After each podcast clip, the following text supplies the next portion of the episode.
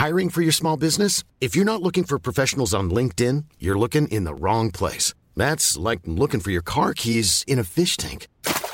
LinkedIn helps you hire professionals you can't find anywhere else, even those who aren't actively searching for a new job but might be open to the perfect role. In a given month, over 70% of LinkedIn users don't even visit other leading job sites. So start looking in the right place. With LinkedIn, you can hire professionals like a professional. Post your free job on linkedin.com slash people today. Hey there, it's Michelle Norris. I'm host of a podcast called Your Mama's Kitchen. When I travel, I'm usually looking for a way to find a taste of home when I'm not at home. And one of the things I love to do when I am at home is entertain. And Airbnb allows me to do that. When I was in California recently, I rented a house that had a great kitchen. And when we were sitting around the table, we we're all thinking, we're in someone else's house. Someone could be in all of our homes as well. If you have a home, but you're not always at home, you have an Airbnb. Your home might be worth more than you think. Find out how much at airbnb.com/slash host. Tuttosvenskan presenteras av Unibet, stolt huvudsponsor till Allsvenskan och Superettan.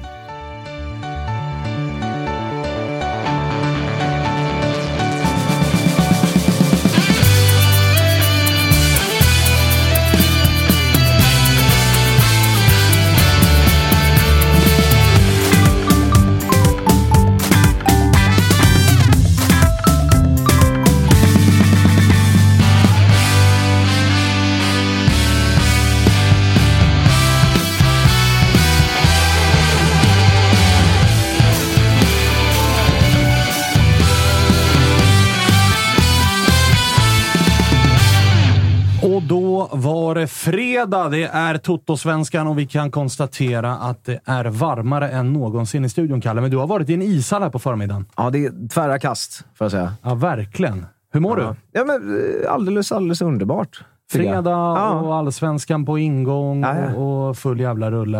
Eh, du, vi har ett jävla kul program framför oss ju. Är det så? Ja, jag vad är ju på gott humör. AIK städade ju av det här eh, nordmakedonska dynggänget så det bara sjöng om det igår. Så att eh, det, det är studs i dojan idag. Ja, jag förstår det. Det var en avstädning. eh, Mm, mm, mm. Ja, den kan man, man kommer nog skriva böcker om den bragdinsatsen som, som eh, pågick nere i Skopje igår. Eh, vi har med oss eh, Anne Lavdic. Välkommen till Totosvenskan. Tack så hemskt mycket. Kul att vara här. Hur mår du? Äh, men det är bra. Eh, deadline-dagen igår och det känns väl lite lugnare nu. Eh, det ska bli kul med lite matcher för att bryta, bryta av det här nyhetsflödet. Hur eh, var din eh, gårdag? Var det liksom, fick du jobba med dubbla lurar och såna här portabla batterier? Eller hur, hur stökigt var det?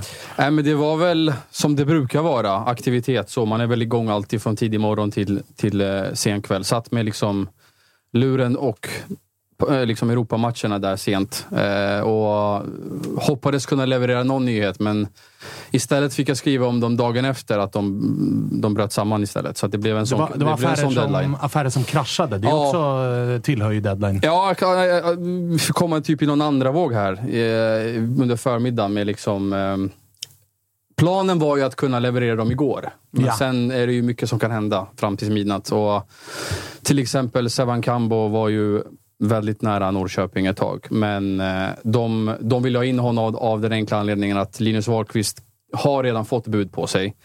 Eh, och de räknar med att det kan komma in någonting här sista augusti. Och för, om han skulle dra då, då vill de gärna ha en spelare som kan dels spela i backlinjen men också kanske täcka upp på ett centralt mittfält. Men Norrköping ville ju bara skriva ett korttidskontrakt med Sevan Kambo och han var, han var mer så här, jag vill jättegärna ha ett lite längre avtal. Vilket gjorde att de förhandlingarna brakade samman. Verkar vara en stenhård eh, jävel den där sportchefen de har, eller? Ja, men han är ju det. Du, du eh, breakade ju också att eh, AIK höll på att försöka med Jonathan Levi, men Ja. det var också stenhårt. Ja, där var det eh, tvärnej från eh, Tonna. Eh, och Eh, folket runt omkring honom, men framförallt honom. Det är ju han som sköter dem. De bitarna. Och, äh, men de, de gjorde ett, ett tappert försök där. Eh, kollade väl lite grann hur tillgänglig han var. De, jag tror att nog att de flesta klubbar har bra koll på att han vill bort, att han kanske söker någonting nytt. Eh, och att han har, han har ju flörtat i media, eh, alltså rätt öppet sådär om sin framtid. Eh, var något intresse från Israel, var inte aktuellt. Eh, men däremot så, så, så valde AIK här att kolla läget igår och fick dock eh, blankt nej från Norrköping. Och det är så här, det kan man väl förstå att Norrköping i det här skedet, när man har gjort ett sånt här fönster också med de här hemvändarna och de här ändå ett tränarbyte och, och ganska stora namn som har eh, kanske gett föreningen ny energi. Att då släppa Levi till AIK, det hade nog kanske eh, pyspunka eller det hade kanske Lite ändrat tongångarna lite grann tror jag. För, Så att, för eh. Ja, så det är klart förståeligt. Så att det var väl två namn där som, som eh, kunde ha landat in i olika klubbar men som olika an anledningar inte, eh, att det inte blev av. Då. Men du, är lite störande på en deadline day. Att det är liksom trippla matcher som ska spelas också. Ja, ja, det var väl nytt tror jag. Första gången måste det ha varit. Ja. Att det var tre matcher samtidigt, mer eller mindre. Eh, Djurgården var först ut tror jag.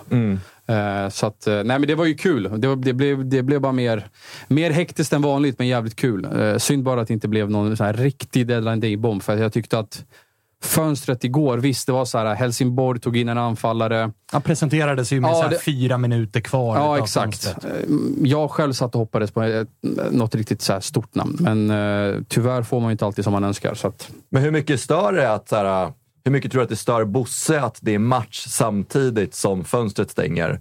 Eller Är det liksom hans fokus då på att fönstret stänger, det är mitt fulla fokus, så han struntar lite i matchen som är? Bosse sket fullständigt i fönstret igår kan jag lova. Han var, ja, alltså, det var, jag kan lova att eh, Torino i det här skedet nu med, med liksom hien, de vet att så här, ah, ring inte mig under kvällen. Det, vi har en jävligt viktig match. Så att, eh, det är jag tvärsäker på att det var. Hur, eh, om jag vänder på frågan då, för Fredde, du är ju här också. Eh, kolla Djurgården igår och allting går bra och hit och dit. Ja, det är som vanligt. Men, men hur mycket tror du Bosse... Alltså var det, kan det ha varit 50% resultat, 50% gå inte sönder hien? Som Ja. var Bosses liksom, eh, ja, tankar inför matchen och under matchen. Alltså vi, vi satt ju och pratade om det inför matchen just. Att så här, ska vi verkligen starta med Hien? Och liksom hur, nu verkar han vara en väldigt så här, mentalt stabil spelare. Jag tror att han är väldigt liksom, målfokuserad. Så går han in i en match, då gör inte han det med några halvmesyrer. Det syns ju, för det har varit spekulationer och han har ändå lyckats vara bäst på plan i varje match. Ja, verkligen. Och så här, vad händer om det blir ett motlägg? Kommer han liksom backa undan? Och det var ju en relevant diskussion att ha inför matchen. Då. Så ska Danielsson och eh, Ekdal starta istället för att Hiens fokus är någon annanstans? Eh, det tycker jag att man fick svar på ganska snabbt eh, efter Sepsis och 1-0 mål där i Svårt att åttonde inte minuten. garva åt Sepsi. Alltså namnet. Ja, det, det, Ja. Nej, men så att jag tycker att han visade ganska snabbt att så här, jag, mitt, mitt fokus är på Djurgården just nu och jag, jag kommer göra allt för dem. Men jag, jag förstår att man som fotbollsspelare eventuellt skulle få de tankarna, för det kan ju vara Fan, går man in i ett motlägg och ett ben bryts, då är det liksom... då är det tack och godnatt. Ja, Ja. Men å andra sidan har de ju kommit så långt för att de har ett, liksom, ett, ett tankesätt som gör att det här är liksom min nästa match, den ska jag vinna. Jag ska göra allt för att de ska vinna den här matchen. Eh, Men diskussionen pågick absolut inför matchen. Vi ska prata mer om eh, det innan vi eh, går vidare med matcher. Och Vi ska såklart prata om Malmö och vi ska prata AIKs insats och fönstret som har stängt och allt det. Så, så måste vi säga välkomna till Totosvenskan Juho. Tack. Hur är läget? Det är bra. Varmt lika och svettigt. lyrisk? Ja, det är lättad stämning idag såklart. Även om det var en lite smutsig typ av avstädning igår. Men eh, det är ju så sjukt viktigt att bara på något sätt kravla sig förbi de här jävla kvalmatcherna. Är, är du, för att jag menar, det var ju, det var ju många icke aik som igår runt midnatt drev om liksom, tonen på AIKs sociala medier. Att säga, hallå, ni har gått vidare. Ni ska spela playoff mot ett lag från Tjeckien som är rankade 220. Men det låter ju som att ni har åkt ut och att allt är, helvete. Vad, vad, vad är liksom dina tankar och känslor bara så kort en, efter? eh, det är ju en trend nu som har varit de senaste matcherna där spelet har hackat lite grann. Det det har inte sett så jäkla bra ut. Ehm, Mycket så, såklart på grund av att vi har flera borta av de bärande spelarna. Som Milo, Nabbe och sen att vi får starta utan Guidetti igår också gör ju såklart att det, det, det är liksom att det är någonting som händer in, inför, precis innan eller precis inne i varje match. Som gör att självförtroendet bara sjunker i spelarna. Nu var det att Guidetti blev sjuk. Förra matchen var ett tidigt insläppt mål. Liksom. Och sådana här saker. Liksom. Blir du, riktigt, eh, eh, blir du extra stressad av att det ser ut som det gör i, i eh, Djurgårdsland? Där det känns som att det är raka motsatsen. Att alla spelare är tillgängliga, spelet sitter, det görs mycket mål, man städar av sina motstånd och det kommer bud på rekordsummor för mittbackar. Medan i AIK så är det bara, aha, nästa nyckelspelare skadad, okej, och John Guidetti har covid. Nej, men det, det är och- klart att det, det adderar ju såklart till helheten. Uh, om Djurgården hade legat femma och inte varit med i Europa och Bayern hade legat superettan eller motsvarande så är det klart man hade haft en helt annan ett annat lugn med, med det hela. Liksom. Inte så här kniven mot strupen-känslan hela tiden. Uh, för det handlar ju också om att inte bara att göra sina egna resultat, men också att komma före rivalen. Så, så funkar det. ju. Liksom. Därför vi sitter här nu. För att vi har det här, den här passionen, det här drivet. Liksom. Hörni, vi, Så, eh, vi eh, har ju planer på att ringa Kim Hellberg, men den som är ansvarig för liksom gästbokning och sånt, Mm. August Spångberg. Ligger på playan i Spanien, så han har med andra ord inte skickat eh, numret. Om någon har eh, Kim Hellbergs nummer, så skicka det gärna. eh, Inte Jag kan kanske i chatten. om jag har det, men jag inte- Ja, men Anna du kanske kan kika ifall du har det, för det, det har vi nämligen bokat upp. Men, men så kan det vara ibland. Fan, det är semesterhjärna på Det är lite Tuttosvenskan. Det semesterhjärna. är faktiskt helt overkligt.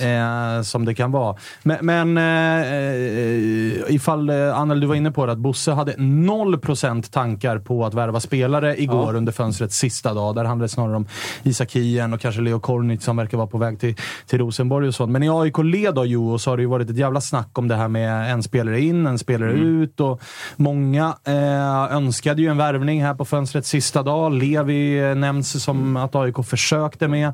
Va, vad känner du när fönstret nu är stängt och, eh, och det blev ingenting? Nej, men det är fortfarande det här med att vi har, alltså just som med Nabbe till exempel, jävligt oklart när han är tillbaka. Det är liksom en av de mer bärande spelarna. Och det här in, in och ut, eh, tak, taktiken och strategin måste ju ändå ha handlat om att man har utgått från att en spelare som Nabbe kommer att spela hela tiden. Eh, för det kommer vara en helt annan nivå då såklart. Eller med Milo och så. Men när man nu har det här läget att ta det här extremt fina klivet in i Europa och med de pengarna som kommer utifrån det och allt annat så tycker jag att man kunde ha försökt våga investera lite grann i verksamheten på det sättet. Att man tar in någonting. Även om det inte är någon ut här nu. För vi har ju ännu inte snabbet till exempel. Så att eh, en förstärkning av laget och en investering i verksamheten tycker jag hade varit ganska fint att se här nu. Men nu blev det inte så.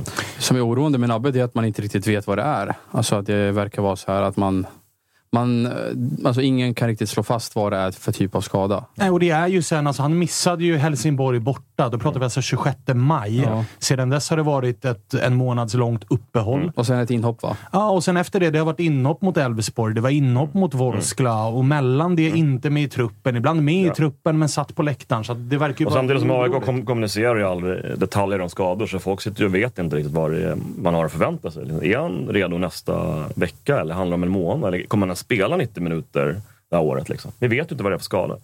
Eller de kommunicerar inte det i alla fall. Det Nej, och sitter, och sitter ju på ett utgående kontrakt Dessutom, dessutom, ja. dessutom då, Ja. som gör att situationen blir, blir eh, än mer eh, prekär. Men eh, innan vi... eh, Innan vi, vi ska ju prata om eh, ditt Djurgården också, men vi kan väl börja i, i AIK-änden då. För att man löser det ju igår, men, men eh, vad gör du utav de 120 minuter du fick se då? Plus, plus den här straffsparksläggningen. För att man satt ju och slets mellan, mellan hopp och Ja, men det förtvivlan. började ju inte så dåligt tyckte jag. Jag tycker Zack och motsvarande spelare visade ganska mycket. Visade upp ett ganska bra spel i början, men eh, sen händer ju något där med inställningen igen. Vi faller ihop lite grann och så får de en straff som kommer från lite grann ingenstans. Och sen var det ju lågoddsare att det var just Collin som skulle... Ja, Man, känns, det, man har ju vi- gått och väntat. Ja, men vi sa ju det till varandra i en chatt som vi har. Att så här, det är liksom, kan man ens hitta ett spel på det? Liksom? Det kommer ju hända. Liksom. Och så händer det efter 25 minuter. Så det är återigen att man börjar en jävla mod, i en uppför- uppförsbacke. Liksom. Men sen, alltså första halvlek präglas väl av det lite grann. Lite chock fortfarande igen. Men jag tycker vi lyfter oss lite grann i andra där. Men sen, eh, lyck, ja, vi lyckas kvittera, men sen så... Det är så jävla dåligt med målskyttet just nu. att det Ett mål är liksom en stor framgång för AIK, men då får vi inte släppa in enkla grejer. Nej, och så här, vi, vi ska ju komma ihåg att vi spelar 120 minuter mot eh, Skandia, Mm. som vi har pratat om ett par gånger nu, som är ett sällsynt uselt fotbollslag. Ja, och vi leder ja. aldrig, Nej. vi leder aldrig en Det match. ska ju städas Vi har inte av vunnit egentligen bara. Vi har inte vunnit mot dem på två försök, om man säger, över 90 minuter. Ja, och till och med en halvtimme till. Ja. Eh, vilket, Nej, ju är, ja. Mm. vilket ju är uselt. Men, men eh, vad är känslan då? För att jag menar, efter Kalmar-matchen och, och även efter Skandia-matchen så började det ju bli, ja, men bildas lite två läger bland Mm. AIK-are. Att så här, avgå Bartos. Det här spelet håller inte. Spelidén är usel och Ja. vi kan inte föra matcher. Ja, och det, det, är det är ju en del av förklaringen, men det finns ju alltid tusen andra aspekter att ta hänsyn till också. Återigen det här med skadorna. Och ehm, att man inte har försökt förstärka truppen ordentligt, tycker jag. Och ehm, ja, alltså... Ett tränarbyte här och nu tycker inte jag är en särskilt smart grej att göra. Vem ska in på kort varsel, sätta nya relationer? Just när vi har så mycket på spel. Utan det är ju bättre att gruppen då samlas och försöker prata ihop sig. Att man enas kring tränaren i så fall. Om det nu skulle börja vara sån snack. Det tycker jag de äldre får ta ansvar för i så fall. Att, eh, ta ansvar för AIK snarare än att man är lite missnöjd med sin tränare eller sin station. Jag tycker det finns en diskussion att ta kring, eh, vilket du och jag var inne på lite grann här. Eller jag påbörjade temat innan Mm, inspelningar. Att eh, AIKs truppsammansättning, jag tycker det finns... Eh, det är ett bra tema eh, att diskutera. Jag tycker det finns nästan tillräckligt med underlag sett till liksom åldersstruktur, hur... Eh, eh, jag tänker på att det, jag tror det är nio spelare som är antingen 30 eller äldre. Eh, sen har du ett garde som är runt 20 och yngre. Och så har du tre spelare, tror jag det är, eh, som är mellan 22 och 25. Och en av dem är bärande i, i en startelva och det är bara Otieno. Bilal, Ja, men jo. Och, eh, vad är Bilal då? 22? 22. 22. Eller 23 till och med. 23 till och med. Men säg att någon, po- poängen är ju att när någon av dem är borta, då finns det ingen att slänga in som garanterar en viss kvalitet. Eh, både i kvalmatcher eller i allsvenskan. Och där tycker jag att det finns... Där behöver man tänka om i strategin till, till i vinter. För att jag tycker att om man tittar till exempel på ett lag som Djurgården.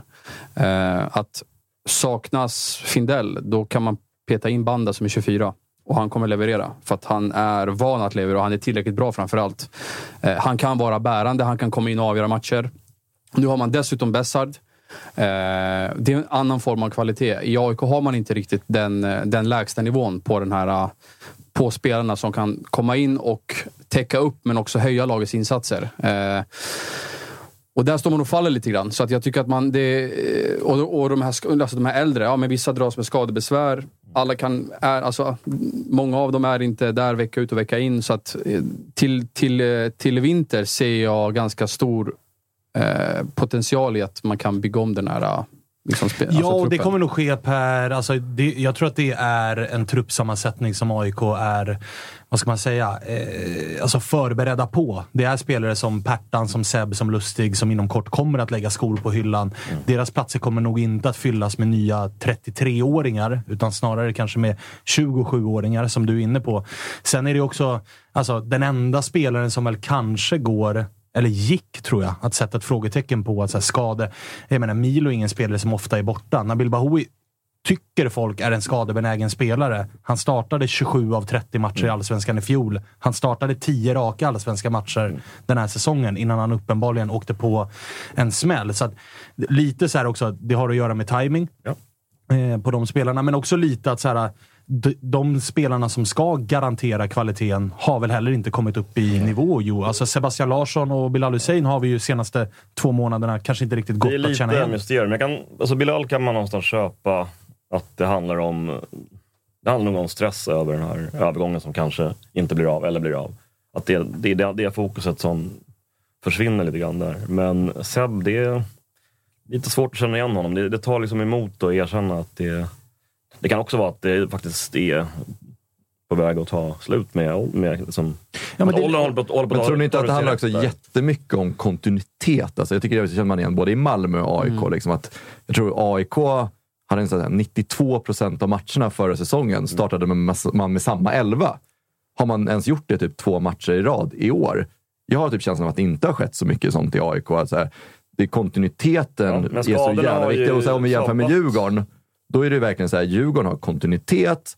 Och så här, kommer Banda in, ja, men då, är det, liksom, då är han omringad av nio spelare som spelade matchen innan. Så att Banda kommer in i så här, Mm. ett spelsystem som sitter, alla vet vad de ska göra. Kommer du in i AIK, då kanske du omges av sex spelare som spelade matchen innan och fyra nya. Och att, att, dessutom att det, ett- det, det är min känsla. Och kanske har- dessutom i ett system som ju uppenbarligen har eh, ändrats. Alltså igår var det 3-5-2 igen. Det gick rapporter om att det skulle vara 4-4-2. Men Johns covid-test som visade positivt gjorde att man gjorde ändringar igen.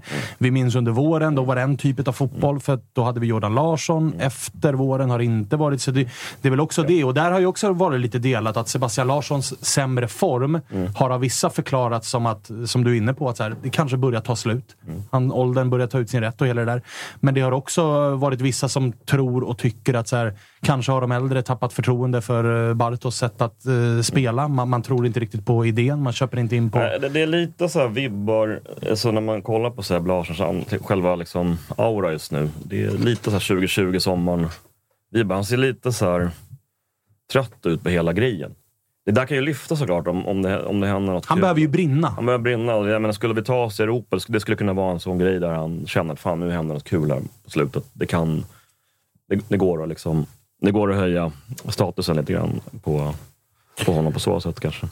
Samtidigt vill ju AIK någonstans också så här, det pratas mycket om att man vill vara en klubb som säljer och ena, alltså ena intäktsporten är att få in pengar via Europa. Eh, nu ligger man visserligen bra till. Den andra är att kunna, kunna sälja spelare. Men det blir ju väldigt svårt att sälja spelare när man inte har en miljö som gör att de här spelarna som är, försäljning, alltså som är till försäljning, som är attraktiva. Jag tänker på Amar, eh, Bilal. Vissa av dem har ju inte en, liksom en självklar plats i den här startelvan heller. Eller att AIK liksom bedriver den typ av fotboll där de kan få speltid vecka ut och vecka in och få utväxling och för att sen kunna säljas. Och där, där ser jag också ett område där man behöver tänka om till nästa år. Och det hänger ju liksom ihop med spelsätt och liksom vad man har för... Eh, ja, och det är väl framförallt det. För att jag menar, tittar vi den senaste perioden nu så är det ju i var och varannan startelva så är det tre stycken spelare som är under 20 år gamla. Alltså Yasin Ayari där, 18 bast och gör mål i den här matchen. Colin Sinchenye startar väl sin femte raka match och han är också 18 bast. Eh, Joe Mendes har varit med i elvan, Erik Ring är med i elvan, Bilal Hussein är med i elvan. Så det går ju heller inte att säga de unga får inte spela. De får uppenbarligen spela. Men då är det kanske spelsättet som gör att deras egenskaper inte syns eller främjas, som gör att det inte lockar till sig Ja, de är ju baktunga AIK. Alltså gång efter annan, tycker, tycker jag i alla fall. Och det, det går inte alls att jämföra med den fotboll eh, som är attraktiv och som tror jag tilltalar väldigt många ute i Europa när liksom scouter kommer. Jag kan ta återigen Hammarby och Djurgården som, som, som ett bra exempel. Elfsborg, Norrköping för ett par, alltså för ett, för ett, för ett par år sedan. Eh, alla de tre klubbarna står ju för en fotboll som, som får de unga spelarna att eh, utvecklas och bli attraktiva. Eh, Men sen är AIK så här speciellt också med det där med resultatkraven och det att det finns så extremt lite tålamod med att eh, spela in ett system över tid som kostar lite förluster här och var. Kanske en derbytorsk där, någon annan torsk där. En sjätte plats en säsong. Vi, menar, vi försökte ju där 2020 med Norlings märkliga experiment. Det var rätt många unga spelare som togs fram, men det, ja, det var väldigt det, det, blir, det blir kanske lite för många också på en Ja. gång. Men jag menar också bara att det finns liksom det finns en miljö omkring som gör att det är så jäkla hög fallhöjd om det inte funkar liksom, en eller två matcher. Så um, ja, det, det, är svårt, det är svårt att svara på. Liksom. Det är komplicerad ekvation. Alltså. Det är eh, definitivt. Hörrni, vi har eh, fått fram ett nummer, men vi får inte riktigt upp eh, bilden. Men vi testar att ringa Kim Hellberg. AIK spelar ju mot Värnamo i helgen och Värnamo har ju... Det är ju sommartider, så det är Stockholms veckor som gäller för Värnamo. Eh, tog ju nyss poäng av Djurgården. Dessförinnan spöade Bayern. Matchen innan det råkade de eh, på något märkligt sätt förlora mot AIK på hemmaplan och nu möter de AIK eh, igen. Är det rätt nummer eller Ja, Kalle? men jag, jag vill dubbelkolla det bara för säkerhets skull. Ja, vi, vi vill inte ringa någon annan. Nej, men vi Det Någon som utger sig för att vara honom. det vore i och för sig eh, uppiggande. Vi får väl se. Kom, kom, kommer fram till min granne liksom. Nej, det här är fel nummer till Kim Det är fel Hellberg. nummer. Så vi får helt enkelt steka Då är det det. ett gammalt nummer. Ja, men då kanske vi får göra så, Vi kanske får skjuta Kim Hellberg till, till inte skjuta honom så, men skjuta Kim Hellberg-samtalet till på måndag då helt enkelt, när de har mött eh, AIK. Då kan vi väl fortsätta med att ta den positiva, för det är ju verkligen det ena eller andra i AIK just nu. Nu har vi tagit lite grann negativt. Ska vi ta det positiva så är AIK fyra poäng ifrån serieledning. Ja. Man möter ett lag ifrån Tjeckien nu och om jag har tillskansat mig rätt information Dels så ska AIK börja på bortaplan. Eh, att avsluta hemma är en jävla fördel. Dels så har jag tillskansat mig information om att det här tjeckiska laget alltså inte ens får spela sin hemmamatch på sin hemmaarena. Utan en timme ifrån den här staden i Brno. eh, på någon arena som rymmer 12 000.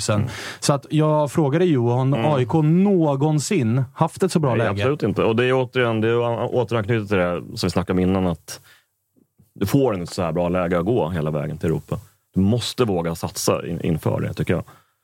Men även om vi inte har fått in så jävla mycket mer, vi kan inte använda den här till som vi tog in till exempel, så är det är för bra läge för att missa. Så jag kommer vara extremt besviken ifall vi inte skulle lösa det till slut.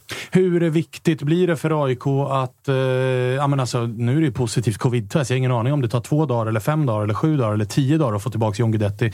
Eh, han måste såklart tillbaka, men även Alexander Milosevic. Mm. Ja, jo. Det återigen, man vet liksom inte. Milosevic, det verkar ju vara den här järn, heter det järntrappa som man går igenom.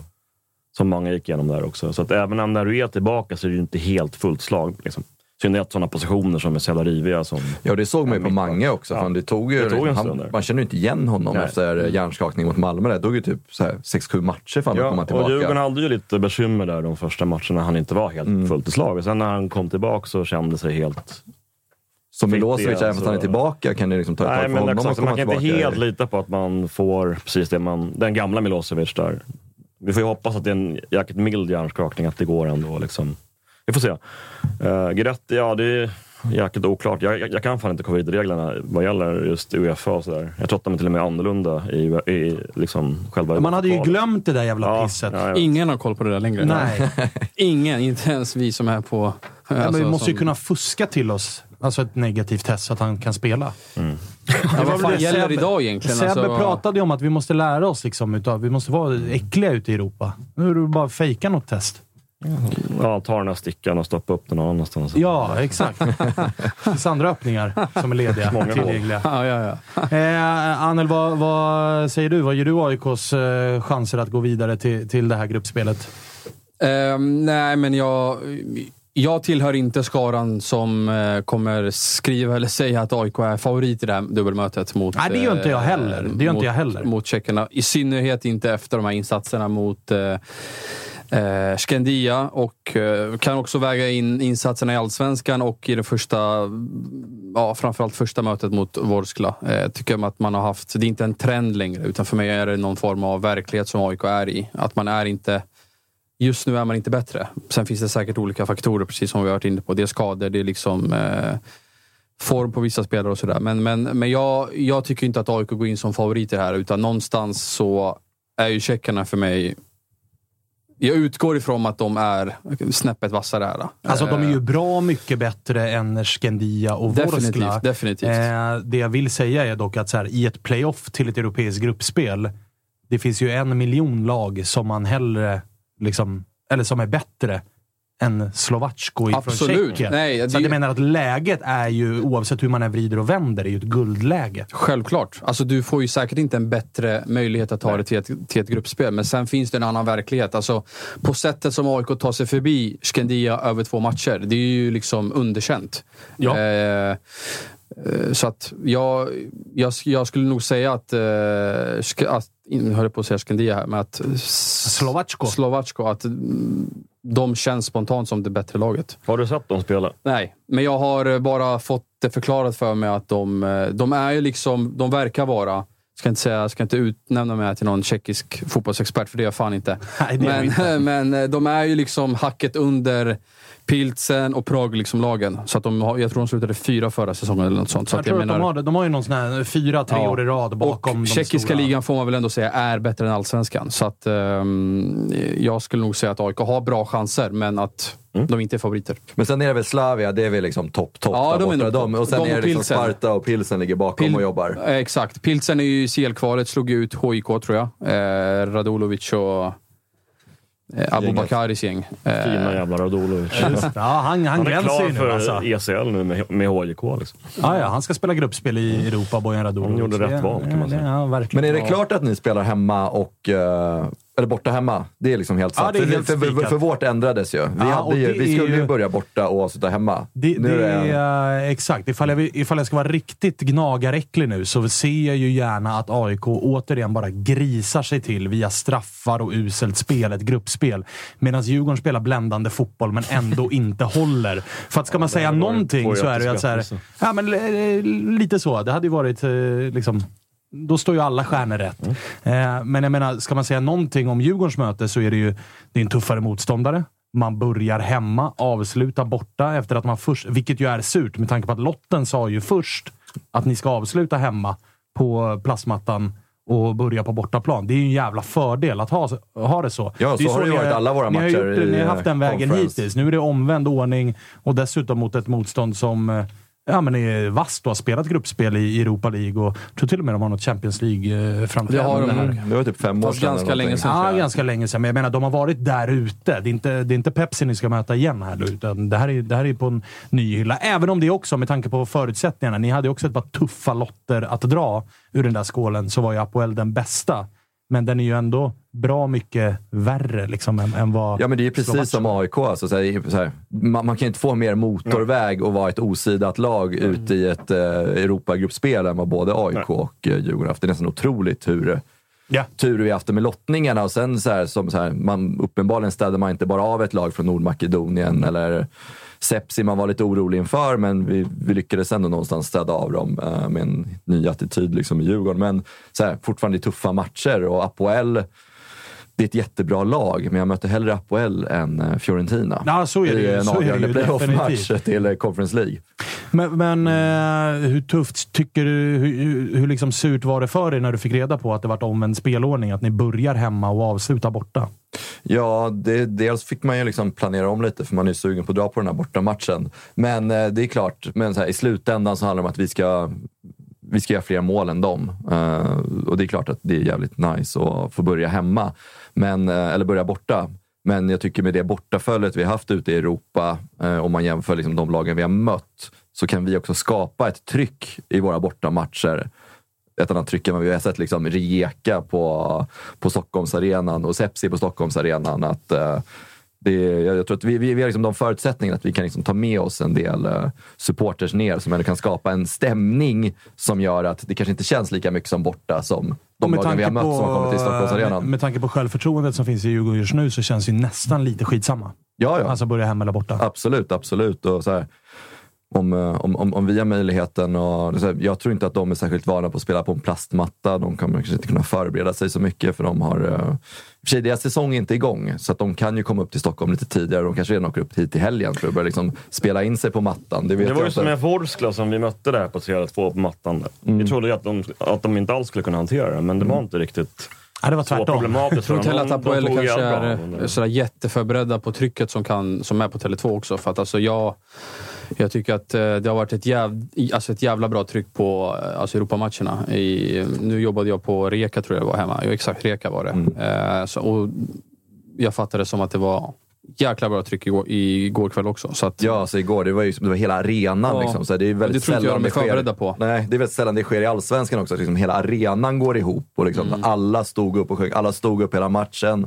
Det var liksom visselorkan från minut ett mot Sepsi. Så att jag tror de var inte alls förberedda på det uh, som, som skedde igår på, på vår Men en sista grej vad gäller AIKs eh, chanser här. Så en grej som, som jag tycker är ganska skön just nu är att vi har en målvakt som är så pass rutinerad Verkligen. I de här sammanhangen som ehm, Kristoffer eh, Nordfeldt ändå är. Jämfört med vad vi haft innan vi har försökt gå till Europa med Linnéer och motsvarande.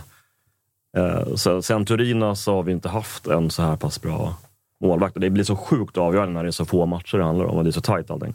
Ja, det är en grej som gör... Är, är det någon position man i de här matcherna vill ha lite erfarenhet ja. på så är det ju just uh, den kanske. Det kommer ju den taktiska skadan också när ja, vi var i, i uh, lite underläge. Den är ju inövad. Ja, ja, ja men man, man vet ju nu alltså, hur den där läget till. Men det, det är en del av spelet och det har vi sett många andra lag göra, även i Sverige. Hörni, Anel och Joe, dra på er era lurar för nu ska vi ringa till uh, Kim Hellberg. Vi har precis fått rätt nummer till slut, vilket är oerhört glädjande. Marcus Tapper som löste på Marcus Tapper löste såklart. Det är ju givetvis Superagenten. Var det, var det han som löste det. Nu har vi äntligen med oss eh, Kim Hellberg. Hur är läget? Eh, bra. Superbra. Härligt. Du, eh, satt du och scoutade igår kväll eh, AIKs eh, möte nere i Skopje mot eh, Skandia? Det gjorde jag såklart. Såg en hel del. Sen behövde man ta hand om frugan lite också, så det var, det var lite båda delar, båda delar. Körde du som jag, att du trillade av stolen över det bländande spelet du fick se? Eh, nej, men eh, alltså, någonstans är det ju fantastiskt starkt att, att, att lösa det. Sen så Eh, ja, jag vill inte prata om andra lags sätt att spela, men det, det, är starkt att lösa det. Det är starkt att lösa det, så kan vi säga. Härligt. Du, eh, ni har ju haft en jävligt eh, härlig period. Jag eh, körde lite skämtsamt att det brukar vara Stockholmsveckan som gäller på somrarna. Ni har ju haft Stockholmsveckor nu. Hur, hur, eh, hur fan har det varit? Det är, ändå, det är din första säsong i, som allsvensk tränare. Värnamo är uppe igen och sådär. Och få alla Stockholmslagen så på rad. Är det, är det lite speciellt, eller? Eh, ja, det är klart. Det var ju eh, anmärkningsvärt när man såg, eh, såg schemat faktiskt och tänkte att vi, vi fick möta fem Stockholmslag i rad och sen Elfsborg och Häcken på det. Så att, eh, det är klart att man, eh, ska man vara helt ärlig så ser man ju en sån period som att det blir väldigt tufft. Det, det var vi förut. Eh, alltså det, det förstod vi ju. Men eh, vi har väl sett det som en bra utmaning och sen eh, fått ganska bra eh, resultat med oss som tur alltså, Det är väl bara AIK vi inte har eh, tagit poängen så jag hoppas att det, det händer på, på söndag.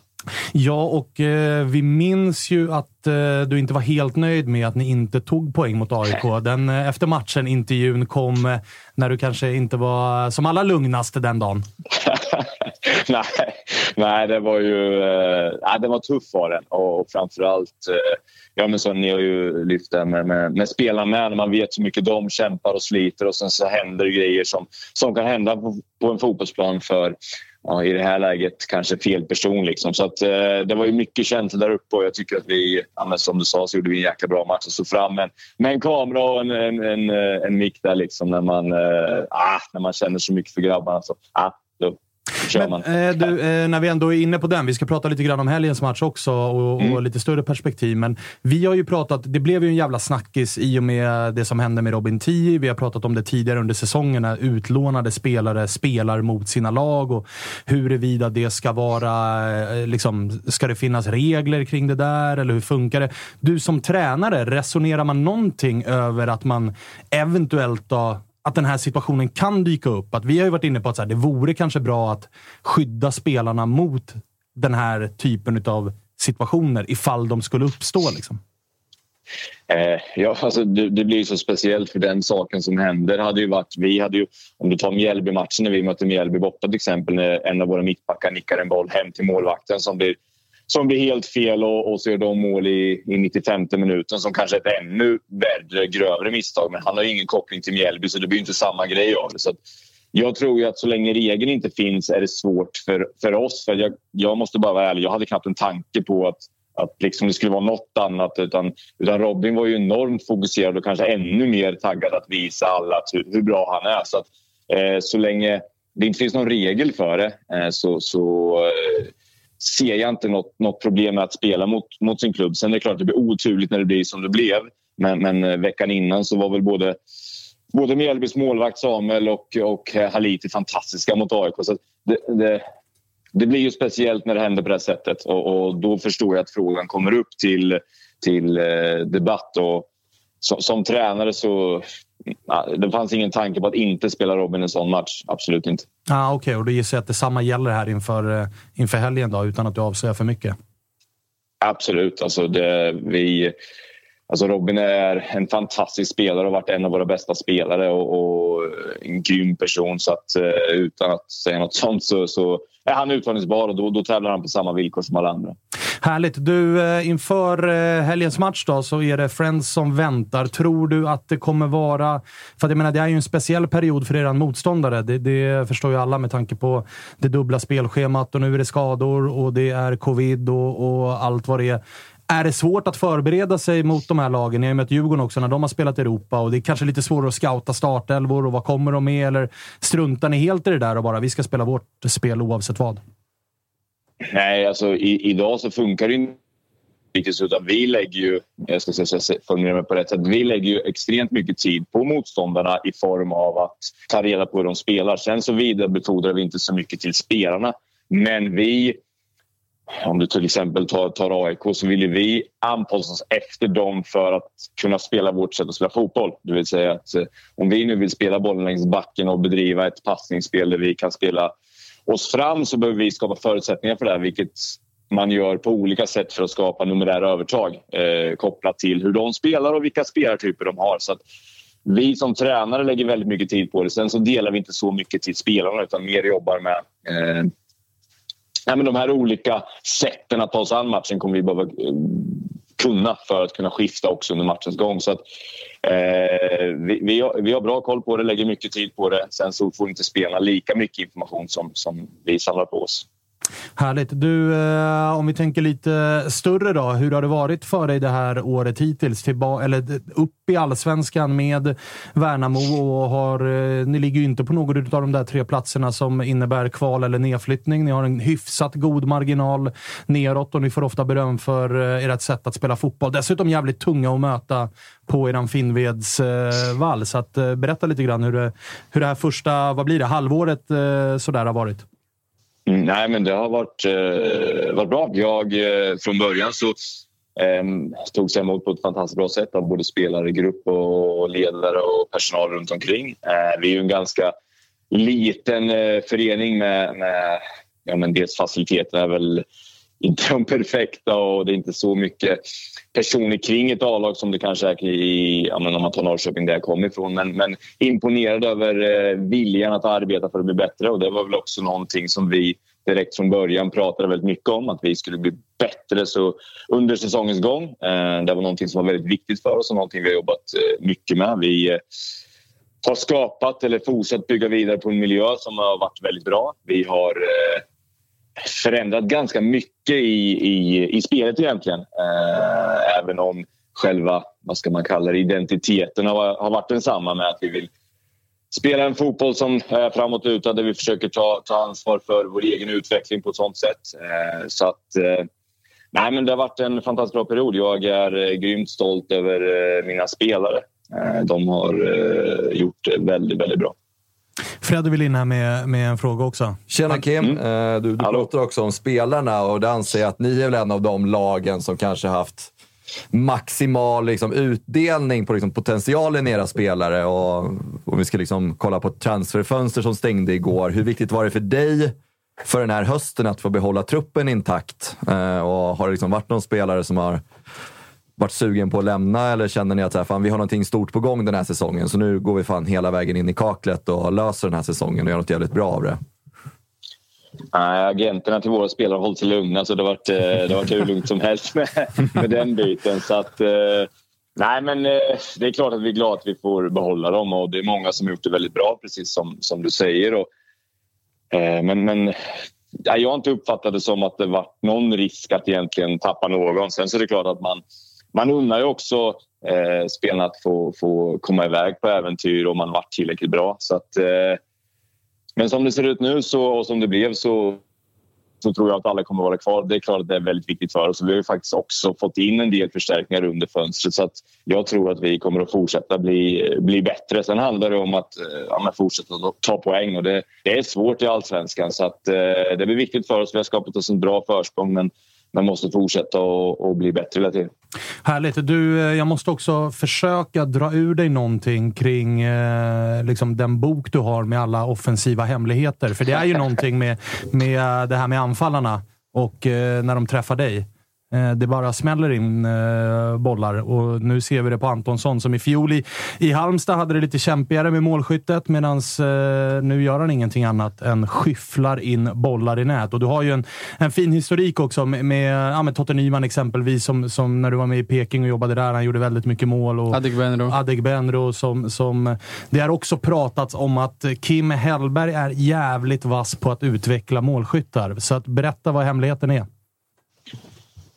Hemligheten är att jag har haft eh, jäkla massa tur och hamnat med, med grymt skickliga spelare. Eh, jag har väl senaste åren fått jobba med Jordan Larsson, Kristoffer Nyman, Pontus Almqvist, Carl Björk, eh, Antonsson vilket gjort att jag har fått väldigt mycket hjälp av, av dem att eh, ja, utveckla mitt sätt att se på fotboll. Sen så har jag studerat mycket. Alltså jag, jag tittar extremt mycket på fotboll, kanske på ja, men hur man rör sig, hur man hittar olika signaler och skapar eh, försöker att hitta verktyg som spelarna kan ha med sig. Sen är det alltid deras beslut på plan som, som, som avgör om de kommer att mål eller inte och deras kvalitet i de lägen som, som uppstår. Men ja, framförallt har jag fått möjligheten att jobba med väldigt många bra anfall som, som hjälper mig väldigt mycket att, att ja, men få mer erfarenheter. Så att, eh, credden ska gå till dem faktiskt. Har du någon inspiration där? Eh, när du eh, plockar fram nya verktyg hela tiden?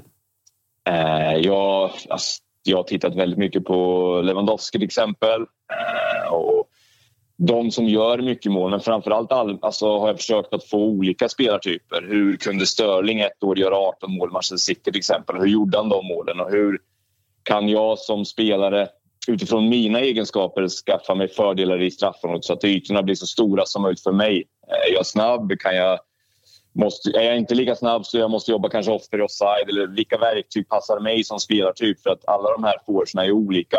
Eh, så att eh, någonstans att också kunna möta de offensiva spelarna med, utifrån deras egenskaper på bästa sätt och, och sen jobba kontinuerligt tillsammans med dem. Det, det tror jag är eh, bästa sättet. Jag tror att det finns fler eh, hemligheter i den där lådan. Men, men eh, fint av dig att eh, lyfta spelarna som öser in målen snarare än att du själv har kommit dit med någon trollformel du har lagt på dem. Du, jag måste bara fråga också innan vi, innan vi börjar avrunda samtalet. Så var det ju så att din gamla klubb IFK Norrköping gick skilda vägar med, med Rickard Norling här under sommaren. Ditt namn nämndes ju titt som tätt av supportrar och andra som ett... Ja, men många var så här, det här är, det är drömnamn för oss. Fanns det någonting där eller är det en, en klubb du ser dig hos i framtiden? Eller eh, fanns det inga tankar överhuvudtaget från din sida? Nej, men först och främst så, så trivs jag fantastiskt bra här och det, det, det hade känts eh, konstigt för mig att inte få bygga vidare på det här. Så att det är så många människor här som visat mig enormt stöd och, och, jobbat hårt för mig. Så för egen del så, så fanns det inga tankar på att, att försvinna iväg härifrån. Jag fick heller ingen fråga så det blev heller inget, inget konkret överhuvudtaget utan alla mina tankar har varit på att fortsätta göra det väldigt bra här. Sen så uppskattar jag såklart att, att människor har nämnt mig och att supportrar eh, håller mig i tanken när sådana saker dyker upp. Det, det värmer såklart. Och, men någonstans handlar det om att fortsätta göra ett jäkla bra jobb här i, i, i Värnamo i nuet och sen så, så brukar det hända bra saker om man, om man fortsätter jobba på. Så att, eh, jag är glad att vara här. Väldigt glad. Men som eh, liksom född och uppvuxen i Norrköping och har varit i klubben, finns det någonting i framtiden som att så här, det är en klubb jag hade velat ta över någon gång i, i, i framtiden? För jag gissar att dina, dina drömmar och ambitioner och framtidsplaner inte är att du kanske ska vara i Värnamo resten av din karriär. Eh, nej, och det, det, är klart att eh, jag har många drömmar och stora drömmar. Och det är klart att i sin egen stad så det eh, att någon gång få göra det hade varit häftigt samtidigt som att jag vet också att, att vara i sin egen stad där du växt upp, där du bott eh, större del av livet eh, blir också ett speciellt tryck på dig själv. Så att, eh, men eh, absolut, om, om, om lagen där ute någon gång känner att jag är rätt person att hjälpa dem framåt så, så, så är det klart att jag i alla fall kommer att lyssna. Men just nu trivs jag väldigt bra här. Ja, det förstår jag eh, att du gör. Du, eh, tack för att vi fick ringa. Freddy som är djurgårdare skickar ett enormt stort lycka till inför helgen. Jag, eh, jag väljer att vara lite mer passiv gällande det. Jag hoppas på en trevlig fotbollsmatch. Det, det är väl ungefär så långt jag kan, jag kan sträcka mig. Så får vi, får vi se hur det går. Men jag hoppas att vi hörs igen framöver. Tack så jättemycket grabbar. Ta hand om er. Detsamma, detsamma. Hej, hej. Hej. hej. Han är uppskattad. Ja, det är, det är han ju verkligen. Och, får hålla sig här då. Eh, duktig, duktig uh, verbalt och verkar vara inte bara en duktig fotbollstränare utan också en, en jävla härlig och skön, skön profil. Men, men, vad ser du på i framtids i spåkulan kring Kim Hellberg? Eh, jag ser självklart kanske ett eh, topplag i Allsvenskan. Eh, på den övre halvan, topp fem där någonstans. Jag vet ju redan att han är uppskattad eh, på sina håll. Och inte minst i Norrköping. Eh, de, har, de har ju precis avslutat en rekryteringsprocess där de anställde Glenn Riddersholm. Och den här gången ville de ha en utländsk profil. Så det stod mellan honom och eh, Torvaldsson i Breidbalik. Just det. Men eh, jag vet att de har gått igenom svenska namn. Eh, många av dem har varit upptagna hos andra klubbar. En av dem är ju såklart Kim Hellberg, en annan kanske Bäckström. Mm. Eh, och um, jag tror väl att båda de två ligger eh, bra till hos, hos Norrköping i framtiden, men inte bara där, även hos andra klubbar som, som finner dem intressanta. Så att eh, Kim är definitivt en tränare att hålla ögonen på i framtiden. Men jag tycker det var, jag tycker, jag tycker det var intressant det han sa också. Att, uh, han är ifrån Norrköping och sen liksom ta över Norrköping i framtiden. Att det kommer också med en annan press för att det är ens hemstad och liksom allt som kommer med det. Att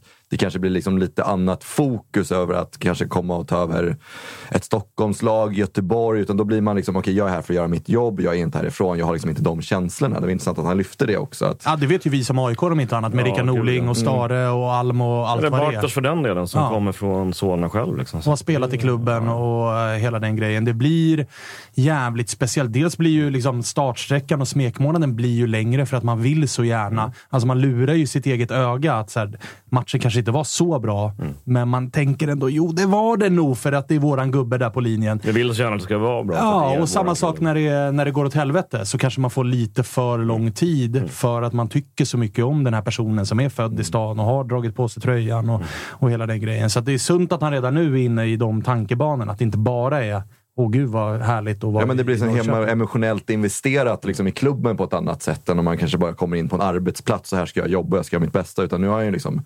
kärlek också för staden och klubben och så kommer in med helt andra förutsättningar. Och, som kanske gör att han kanske inte kan ta det tror jag han kommer göra, men man kan inte ta samma rationella beslut om man hade varit kanske ett IFK Göteborg eller i ett Djurgården. Att men jag ska nog släppa fram den här talangen för jag vill att Norrköping ska göra det. Och så kanske det inte var rätt beslut. Men det blir riskminimering liksom på ganska hög nivå. Ja. Precis som vi har sett i AIK de senaste åren. Att Ja. Efter ett par år så hamnar man nästan i ett sånt läge som tränare. Att Mm. Man börjar övertänka saker kanske. Det är därför man tar antagonisternas gamla spelare och tränare. Och Så slipper man ha känslomässiga band. man bara. Var bara här och gör ett bra jobb. gör, gör, gör jobbet, gör jävligt bra. Vi är väldigt stolta att presentera det här samarbetet, August. Det är ju tillsammans med Mindler och det är ju Sveriges största digitala psykologmottagning. Det är inga väntetider. Du träffar en psykolog vart du vill med din telefon. Ett besök kostar bara 100 kronor och frikort gäller då Mindler är en del av primärvården. Och varför är det så viktigt att prata just kring Mindler, Agge? Ja, men jag upplever och många, många med mig också att det finns ju det finns någonting eh, jobbigt att prata om de här sakerna och Mindler vill ju bryta stigmat som finns när det kommer till att prata om mental hälsa. Eh, inte minst bland män upplever jag det som att det kan, eh, ja, men det kan finnas en tröskel att, att faktiskt öppna upp vad man känner och hur man mår. Och därför tycker jag att det är väldigt glädjande att på senare tid så är det ju många idrottsmän och kvinnor, några i allsvenskan, som har öppnat upp och pratat om eh, sin psykiska hälsa på ett väldigt fint sätt, vilket jag tror eh, ja, man kan vara med och bidra till att bryta det här stigmat. Verkligen, och du hade ju en liten intressant gäst i eran podd för några veckor sedan. Det var AIKs psykolog med. Lyfta någonting kring det här. Ja, men det var intressant. Eh, Jon Hasselqvist heter han och eh, det var ett eh, väldigt intressant samtal där vi, där vi kom in på hur mycket det mentala spelar in i form av prestation men också hur viktigt det är att man som människa ska må bra för att prestera. Och Det går ju att applicera såklart på fotbollsspelare men också på sådana som du och jag, alltså vanliga människor i sin vardag.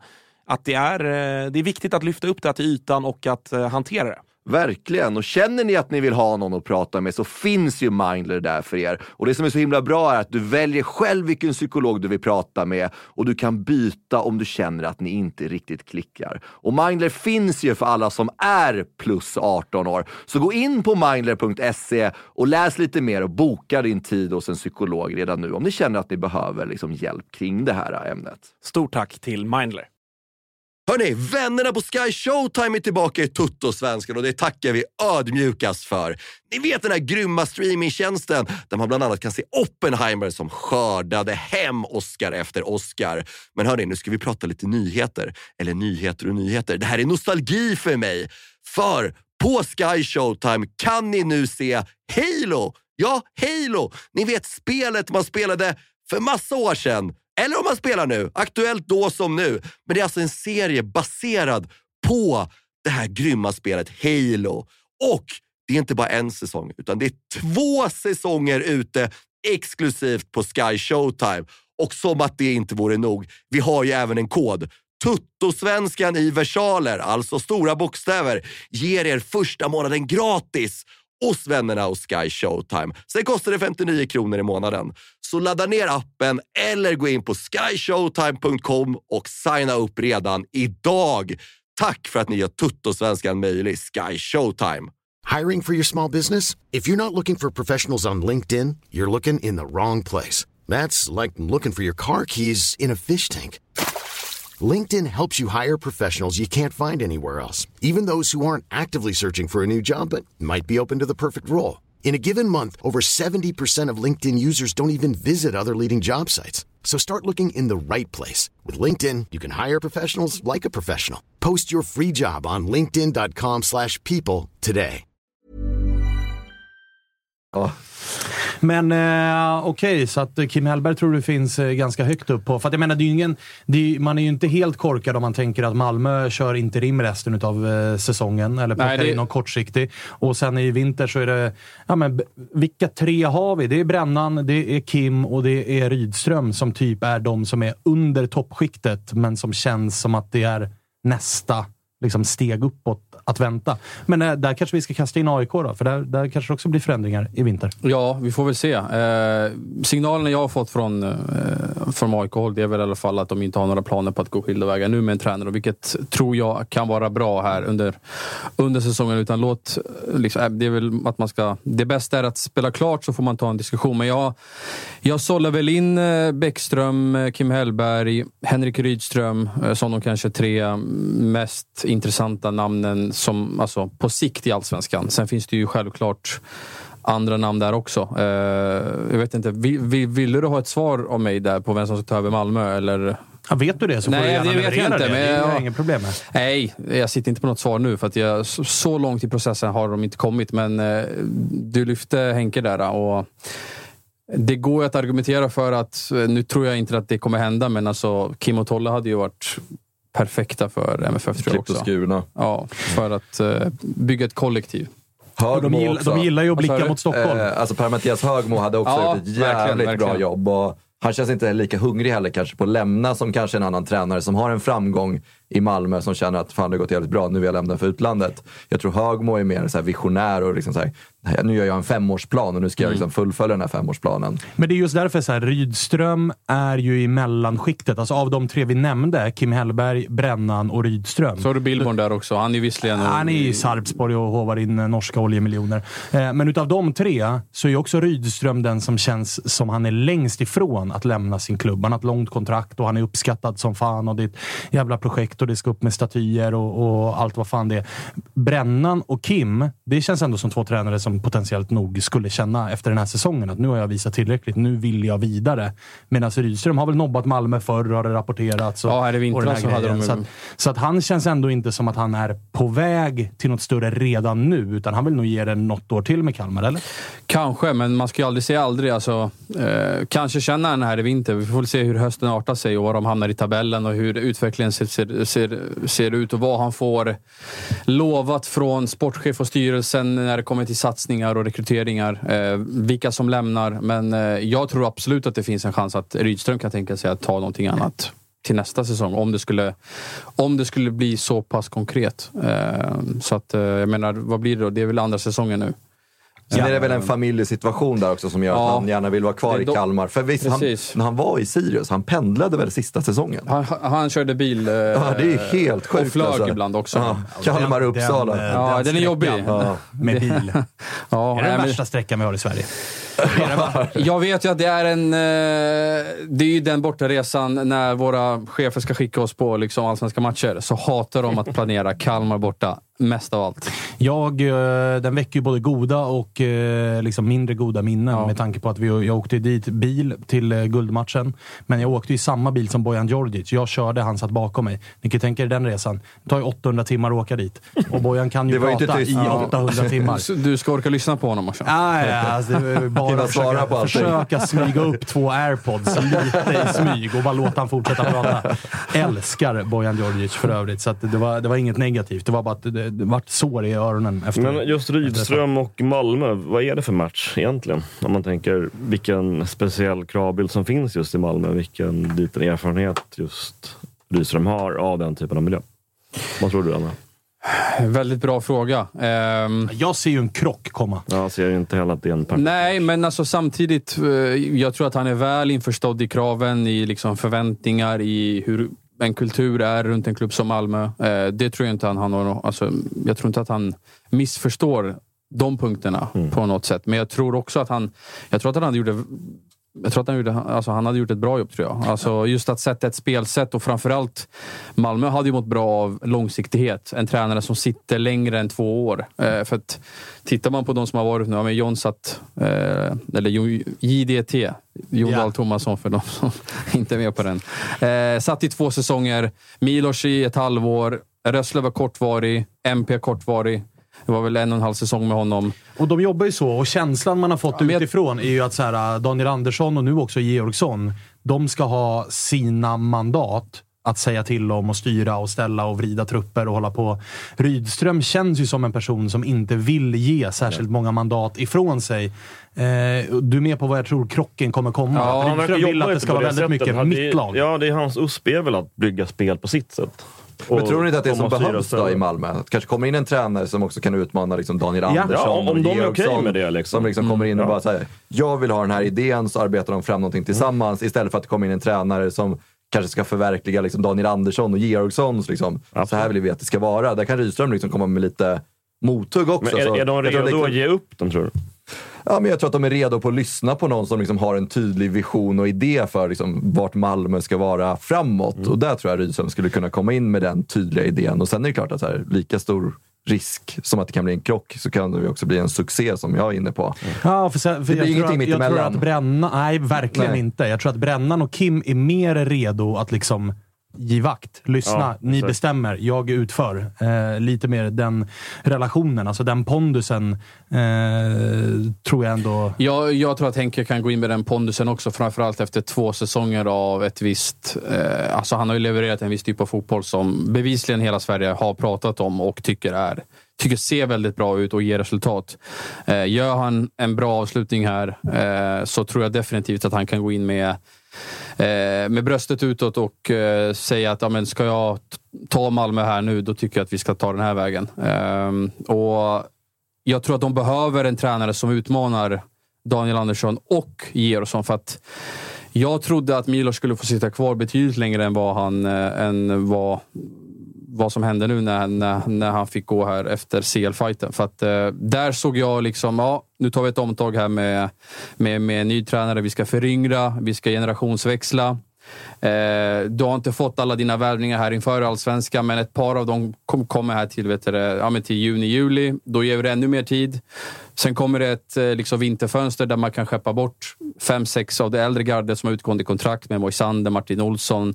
Eh, Berget och ja, Rex och- Berget och Rex. Eh, eh, så att, men eh, jag tror nog att de gav vika för en ganska hård styrelse. Eh, det är min känsla i alla fall, utan att jag har liksom någonting svart på vitt. Ja, och tolkar man den väldigt märkliga intervjun Georgsson gjorde så verkar det ju verkligen inte vara hans beslut. För att han, det var ju några citat där som stack ut eh, sannoliken efter sparken. Att så här, Ja. men det här var inte bra och vi hade, det var tråkigt att det blev så här. Alltså, det, var nästan som att, det var nästan som att han mellan raderna sa det här var inte mitt beslut. Nej, eh, och sen framförallt när man läser vad Paulsson sa i, i media där innan det blev officiellt att Milo skulle få gå. Då kändes det verkligen som att styrelsen hade kliv, klivit in och kört över dem. Alltså, lite så fick jag intrycket. Eh, och, nej, jag, jag, jag tycker det var fel väg att gå Malmö för att det, den spelmässiga förbättringen, den, den, den, den har inte jag sett hittills. Eh, det var en ganska svag match här mot eh, Dodelange på, på bortaplan. Så att, eh, jag tror att Malmö hade mått bra av att ha kvar Milos säsongen ut och försöka ta ett nytt omtag över truppen här i vinter. Eh, Vi får att- kolla med eh, Josip Josip. Bladan eh, och se vad han säger. Han sitter om, på alla eh, svar. Om, han sitter på alla svaren i eh, vanlig ordning. En konkurrent till Anne Lavdic med tanke på att ni jobbar på olika tidningar, men med mer eller mindre samma, Ja, men samma det- uppdrag. Men goda vänner ändå, som man kan vara. så är Liksom. det ju. Eh, inga konstigheter där. Vi får se om han svarar också. Det gör han nu. Eh, Josip Bladan, först och främst då. Ja. Grattis till gruppspel i Europa. ja, tack så mycket. Ytterligare en, en vanlig dag i Malmölivet. Europa. Europa. Eh, så är det. Proppmätta Malmö FF. Du, eh, jag såg inte matchen. Du kan väl börja med att bara liksom, hur, hur eh, såg det ut? Ja, precis som man trodde att det skulle se ut. Skit. Det, åka ner och möta FC Diddley-Dong när man redan har vunnit med, med 3-0 och dödat matchen. Det var väl sådär kul för alla inblandade vad det verkar. Eh, Det var ju 0-0 i, i halvtid. 14-6 i avslut för Diddley-Dong. Eh, Så det är väl en indikator på hur mentalt närvarande man var. Eh, Sen andra halvlek började ju helt perfekt. Eh, Leder ju med 2-0 på, efter två mål på 90 sekunder. Ganska copy-paste. Det är Ceesay som går i djupet och serverar in i mitten. Och så första gången är det Buya Turay som gör mål och andra gången är det Toivonen. Eh, och sen så faller allting samman fullständigt. Sen checkade man ut, var på väg till flygplatser och allt möjligt. Ja, ja, man började fundera vad fan man skulle äta till middag och när man skulle komma hem, om det fanns någonting att göra då eller vilken film man skulle se på flyget och sådär. Eh, och sen står det 2-2 ganska, ganska plötsligt och det är väl lite svajigt i 10 minuter efter. Och sen de sista 20-25 är ju bara att defilera in egentligen. Eh, men eh, det var ingen, ingen håll käften-insats på något sätt utan snarare vad i helvete är det frågan om. Eh, alla AIK under 120 minuter igår. Men ah, nej, det, den, den så kallade post effekten har ju inte uteblivit, eller har ju inte synts med sin närvaro direkt. Det var, eh, jag noterade på sociala medier, i och med att det var där jag eh, liksom, parallellt följde vad, vad ni andra två som var ute i Europa pysslade med. Att det var många Malmö-supportrar som hajade till att vänta nu, varför skickar vi mer eller mindre ut det bästa laget i en match som redan är över? Mm. Ja, det är väl också lite för att, eh, för att få igång någon form av eh, vardag eller normaltillstånd av att den här matchen är absolut inte över och det är ni som ska prestera och ni som liksom ska ta det här liksom i mål under hösten och sådär. Och det var väl kanske, kanske svar som Georgsson och, och resten av staben fick där på, på den mentala statusen på, på många spelare. Och det, jag vidhåller fortfarande att det här är en dysfunktionell grupp som jag sa senast. Och mycket, mycket tyder på, på att det inte kommer att förändras särskilt mycket heller. Det var, var inte, jag tyckte det var jävligt intressant när Boja gjorde mål att ingen firade riktigt. Det tog väl fan en minut innan någon var framme där och skulle kramas och, och visa att det, var, att det var kul att man har gjort mål. Så, ja, och hans nej. första liksom. Mm. Det borde väl vara lite ja, hype? Ja, stå och vänta. Eller vad som hände där när det blev lite gruff där eller vev med Johan Dahlin. Att det var ingen back som skulle in där och knuffas utan Johan fick, fick sköta det där själv. Så ja, det är mycket, mycket sådana saker. Du, vi pratade tidigare här med eh, Värnamos tränare Kim Hellberg och nämnde honom som en potentiell liksom, jag säger inte att han är huvudkandidat, men nog borde väl han eh, liksom finnas bland kandidaterna i alla fall som eventuellt ja. tar över Malmö inför nästa säsong. Ja, och det är väl Robin, har ju, Robin Asterhed har ju väldigt bra koll på, på Kim och, och vad han gör och har gjort i Värnamo. Jag tror att däremot att om man tittar på de andra namnen som har nämnts, både Rydström och, och Brännström, så är väl kanske Kim där de var lite förra året eller åren innan dess. Att, de liksom har att han har... Det är helt klart spännande och att det behövs, eh, men att det behövs lite mer resultat över längre tid för att, för att ett sånt jobb skulle vara aktuellt i topp fem. Eh, nu finns det ett undantag som är givet och det är IFK Norrköping. Att jag tror att den dagen Riddersholm går vidare eh, eller gör någonting annat eller om det skulle skita sig resultatmässigt så är så är Kim Hellberg det givna namnet eh, som, som sätter sig på den bänken. Det betvivlar jag inte ens. Tror du att det var det som, alltså just det resonemanget du har, det, tror du det var det som gjorde att han inte liksom att Peking inte tog en interim resten av den här säsongen och gick för honom, utan att Peking känner att han behöver eh, samla på sig lite mer erfarenhet innan vi tar in honom. Och kanske det som också Malmö känner att så här, det är trots allt första året för honom i, eh, som allsvensk huvudtränare. Låt det här, liksom, låt han växa lite till först. 100 procent. Eh, och det är ju ingen hemlighet att, att Kim har väldigt varma känslor för, för IFK och vad den klubben betyder för honom och, och de relationerna som, som han har skapat där.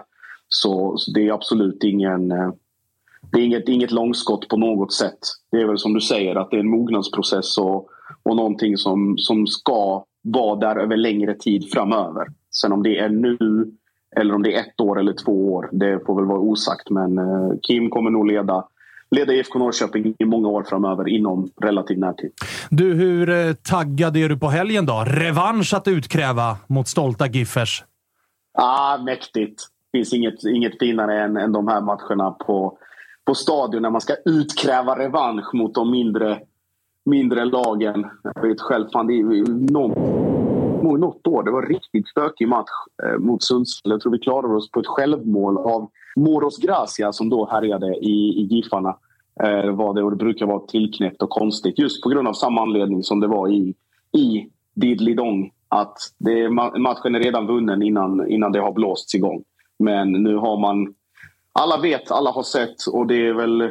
Jag ska säga till och med uppe i ledningen. Jag gjorde en monsterlång intervju. Kanske den längsta jag gjort i mitt liv. Med Daniel Andersson och Niklas Kalnén häromdagen. Och det var väldigt mycket, det var mycket självinsikt och förståelse för folks frustration och någon form av sam, samsyn på att Malmö FF är absolut inte där man vill att de ska vara just nu. Eh, sen vad det beror på, det ville de inte gå in på i detalj. Men det, eh, det krävs, krävs märkbar förändring på, på planen framförallt eh, inom väldigt kort tid för att folk ska, ska ha tålamod med det här tror jag. Och du, det där är ju eh, lite halvspeciellt. Det var nämligen det jag tänkte komma till. I och med att du eh, håller på klubben, men du har också ett eh, yrke som gör att du hamnar i situationen där du får sitta och göra en monsterlång intervju med Georgsson och Daniel Andersson.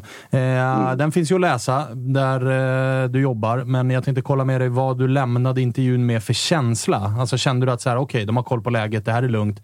Eller kände du att så här, okej, det är en del som behöver jobbas innan vi ser Malmö där Malmö ser sig själva? Det sistnämnda, definitivt. Alltså de här, de här är inga, inga som reagerar på att det blåser eller att det stormar eller att det är folk som har åsikter om saker. Eh, utan det här är ju två ganska lugna och, och trygga personer som har gjort det de har gjort väldigt länge och har gjort det väldigt framgångsrikt. Det är väl egentligen först nu som, som det börjar synas i sömmarna eh, och verkligen synas på planen att det här är någonting som inte fungerar längre och nu är det upp till er att lösa hur det ska bli bättre. För att alla, alla är medvetna om att det kommer, kommer ske väldigt mycket saker om sex månader. Men om, liksom under de månaderna så går det ju bara liksom inte att, att ge upp. Och Daniel sa ju själv, sa ju själv, jag tror han använde uttrycket, det här är ingen domedagsintervju och vi har absolut inte gett upp säsongen. Och vi ligger i ett bra, bra läge och är med i toppstriden. Ja, men samtidigt så är det världens vägskäl nu för att det finns ingen annan än de som finns till förfogande så att säga, liksom spelar, spelarmässigt som, som ska kunna göra någonting. Så det är väl lite upp till bevis. Det, vad man har tagit in, det har man tagit in. Det går ju inte längre om det inte är kontraktslöst då givetvis. Men eh, det kan nog försvinna en, två, till och med tre spelare de, de närmaste veckorna. Vilka uh, tänker du på då? Ja, vi hade ju Erik Larsson uppgifter igår om Grekland. Eh, om Offi. Sen pratas det om Jonas Knudsen, om jag har förstått det. Men där blir det också märkligt för att Martin Olsson gick ut skadad och, och jag har ju inte världens, världens bästa läkekött med tanke på belastningen han har fått ha den här säsongen. Eh, och sen så kan det eventuellt bli då någon, någon spelare till som antingen försvinner på något lån eller säljs på grund av olika anledningar. Men eh, Erik Larsson eh, främst längst fram i det ledet, mest konkret. Känner du dig trygg att ni eh, löser detta? Och med löser detta så menar jag ju såklart att så här, minimikravet man ändå har på Nu är ni klara för gruppspel i Europa. Då är liksom checka av den boxen. Det är alltid det man pratar om, att gruppspel är prio, för då kommer det in nya pengar och hela den grejen. Nästa krav är ju topp tre. Och då är mm. frågan, löser ni det? Eh, ja, det måste jag ändå säga att vi gör för att det blir en sån, eh, sån liknande situation som Malmö har varit i många gånger tidigare. Att det är flera liksom, matcher med kniven mot strupen samtidigt som andra också är i den situationen utan att riktigt ha den erfarenheten över tid. Om du fattar vad jag menar. Jag tror att AIK, Djurgården, Malmö är nog bäst rustade för de här matcherna där det betyder som mest i allsvenskan. Eh, häcken har en bra tabellposition men är inte vana vid att vara det laget som jagas. Eh, och Hammarby, eh, Hammarby behöver också med den här gruppen spelare eh, känna på lite hur det är i hetluften. Så det är väl de tre jag nämnde först som har den starkaste chansen. Sen om man ska bryta ner det ytterligare. Går AIK till Conference League så tror jag att de är borta från guldstriden på grund av truppstatusen och hur den ser ut i, i, liksom i helhet. Det går inte att med så, så tunn trupp eh, bedriva ett tvåfrontskrig om vi ska använda det uttrycket. Och då är det ju mellan Malmö och Djurgården som, som det står. Och om man bara tittar just nu då är det väl, då är det väl Djurgården som, som kommer ta det. I, eh, när vi summerar 30 omgångar. Men ja, topp tre ska man klara med, med den truppen som, som finns oavsett vilket humör de är på. Kvalitetsmässigt så ska man klara topp tre. Men även om Djurgården skulle gå till gruppspel? Ja, det måste, man måste göra det för sin egen skull. Och då är Djurgården, då kanske Djurgården blir ett eller tvåa. Men topp tre ska Malmö klara och det var det som var frågan. Mm. Freddy, hur, eh, känner du dig trygg i att truppbredden finns för Djurgården att eh, spela gruppspel och eh, vara slagkraftiga i allsvenskan? För det är ingen, det är så, vi fick ju beviset redan i helgen som var här att det kostar för lagen som är i Europa när de också ska eh, spela allsvensk fotboll på helgerna. Både Malmö, AIK och Djurgården tappade poäng. Ja, men så här, vi har ju pratat mycket om, vi pratade lite om kontinuitet innan och där har ju Djurgården verkligen haft turen och inte haft så mycket skador i truppen truppen. Vi har haft lyxen att kunna rotera in spelare där det inte har märkts att man har roterat egentligen. Och så länge vi liksom fortsätter liksom ha ändå en ganska frisk trupp som vi har. Nu var det lite småskavanker igår på både Findell och Rasmus Schüller. Så att, eh, om det börjar komma in lite skador, då vet man inte vad som händer. Men som det ser ut nu så ska vi absolut kunna klara av ett Europaspel. Och sen vet man inte vad som händer om Hien lämnar. Då står vi med Lövgren som eh, enda mittbacksalternativet i en rotation. Och liksom hur, hur, liksom, hur, hur klarar han den situationen? För nu har ju han också varit... Han har inte fått spela särskilt mycket, Lövgren. Så Det han var länge sedan man såg sig. Han får komma in liksom, när vi ska stänga, in, stänga ner matcherna, när vi ska ner på fembackslinjen. Då kommer han in och gör det jävligt bra. Men som en rotationsspelare går in och spelar 90 minuter. Jag hoppas att han klarar det, men man har inte fått se det i år för att det har ju varit rotation. Eller det har inte varit så mycket rotation alls. Det har ju varit Hion och Ekdal och nu blir det rotation med Danielsson. Men för att svara på din fråga så tror jag absolut att får vi hålla oss skadefria, eh, då ska vår trupp klara av att spela ute i Europa och eh, eh, allsvenskan. Och jag vet inte heller hur många matcher som spelas efter VM-uppehållet ute i Conference League. Det kanske bara blir fyra extra gruppspelsmatcher för Djurgården under allsvenska hösten och det tycker jag man ska klara av med den truppen man har. Josip, vad okej, men du, du, eh, du känner dig trygg i att Malmö löser det, men du, eh, efter intervjun du hade med Georgsson och Andersson eh, kan ändå liksom slå fast att det inte så. Nu är fönstret stängt, nu har vi värvat fem nya gubbar, nu vänder vi och allt är frid och fröjd. Utan man, man, är ändå, man är ändå med på att det är mer jobb som behöver göras med den här truppen. Ja, och man behöver göra det ganska snabbt. Alltså framförallt Lomotey och då Lewicki som är några veckor bort. Att få in de två absolut fortast möjligt i att bli uttagningsbara i alla fall. Eh, för att, eh, att liksom, dels nytt blod men också den här efterfrågade stabiliteten på den positionen som har saknats hela våren. Eh, och då eh, få in Buya Turay framförallt i mer, mer matchtempo. Man så, eller han hade ett väldigt fint avslut igår och är pigg fortfarande men man märker att touchen saknas eller liksom de spelmässiga relationerna.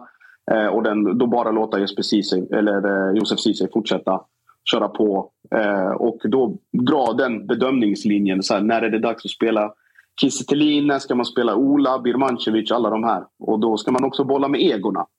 För att det här är ju tre stycken som ser sig själva som startspelare och då ska du eh, sälja in speltid till dem oavsett om det är 90 eller 9 minuter. Så ja, nej, jävligt mycket, jävligt mycket huvudvärk hela hösten. Det blir, jag, jag är glad att slippa sitta i deras skor. Eller Kanske lätta lite på någon i truppen också. Vad sa du nu? Kanske lätta lite på truppen också. Låta någon av de här offensiva som har utgående. Jag tänker på en spelare som Berget. Alltså. Han kanske, om får han något erbjudande här som är någon vecka kvar, att man låter honom gå. Det är inte så att man står och faller med Ja, hun- nej precis. Men det är samtidigt också så här, man kan tacka man kan tacka Berget för lång och trogen tjänst och, och liksom allt han har gjort för klubben varit ovärderlig på det sättet. Men givet det spelmässiga läget, har man råd att tappa de lungorna, de benen, den viljan, hjärnan, instinkten. Det är också en bedömning. Men jag tror, liksom sammanvägt alltihopa, så tror jag, tror jag inte att Malmö kommer ställa sig i vägen för, för en flytt om han, nu, om han nu vill röra på sig. Jag vet att det har varit rykten om, om Blackburn och en återförening med Jon Dahl Tomasson. Och eh, Berget och Championship låter ju som en ganska, ganska bra kombo. Där får han veva. Verkligen. exakt, exakt. Du eh, Josip, jag älskar när det fortsätter vara i alla fall lite guppigt på Malmöhavet. Ja, ja, ja. Det tycker jag är 120 fint. mot Skandia. Fan vad guppigt det var du. Nej, men där, alltså, hos oss är det full storm. Oroa dig inte för det. men jag menar, det, det är tråkigt ifall alla andra lag bara får cruisa. Det är alltid fint när det, är, liksom, det bubblar lite hos någon i alla fall. Ja, men det måste det göra. Det vet du. Så är det. Härligt. Du, eh, vi hörs och ses då.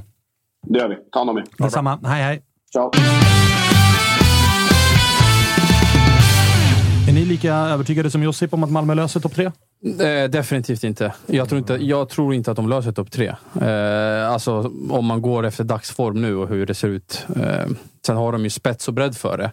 Men jag tycker ju här, här idag att Djurgården, Hammarby och eh, Häcken spelar bättre fotboll och eh, ser mer stabila ut över tid. Eh, framåt och bakåt för att kunna lösa topp tre. Så att, Och jag menar, får, det är inte, det är ingen högoddsare att Djurgården bommar gruppspel. Alltså, man kommer inte vara favoriter mot Apoel. Får Djurgården, Häcken och Bayern kliva in i den här hösten utan gruppspel, Vi kommer nog, alltså det, du kan addera AIK till det, men de ser ju, AIK ser ju inte så bra ut just nu spelmässigt. Det gör ju Häcken, Bayern och Djurgården. Får de tre lagen kliva in utan gruppspel, medan Malmö ska ha gruppspelet. Det hackar. Vem ska träna laget? Sex, sju gubbar på utgående kontrakt. Det har varit frågetecken på motivation. Birmancevic är grinig för att han inte har fått gå och håller på att jiddra på sociala medier och hela den grejen.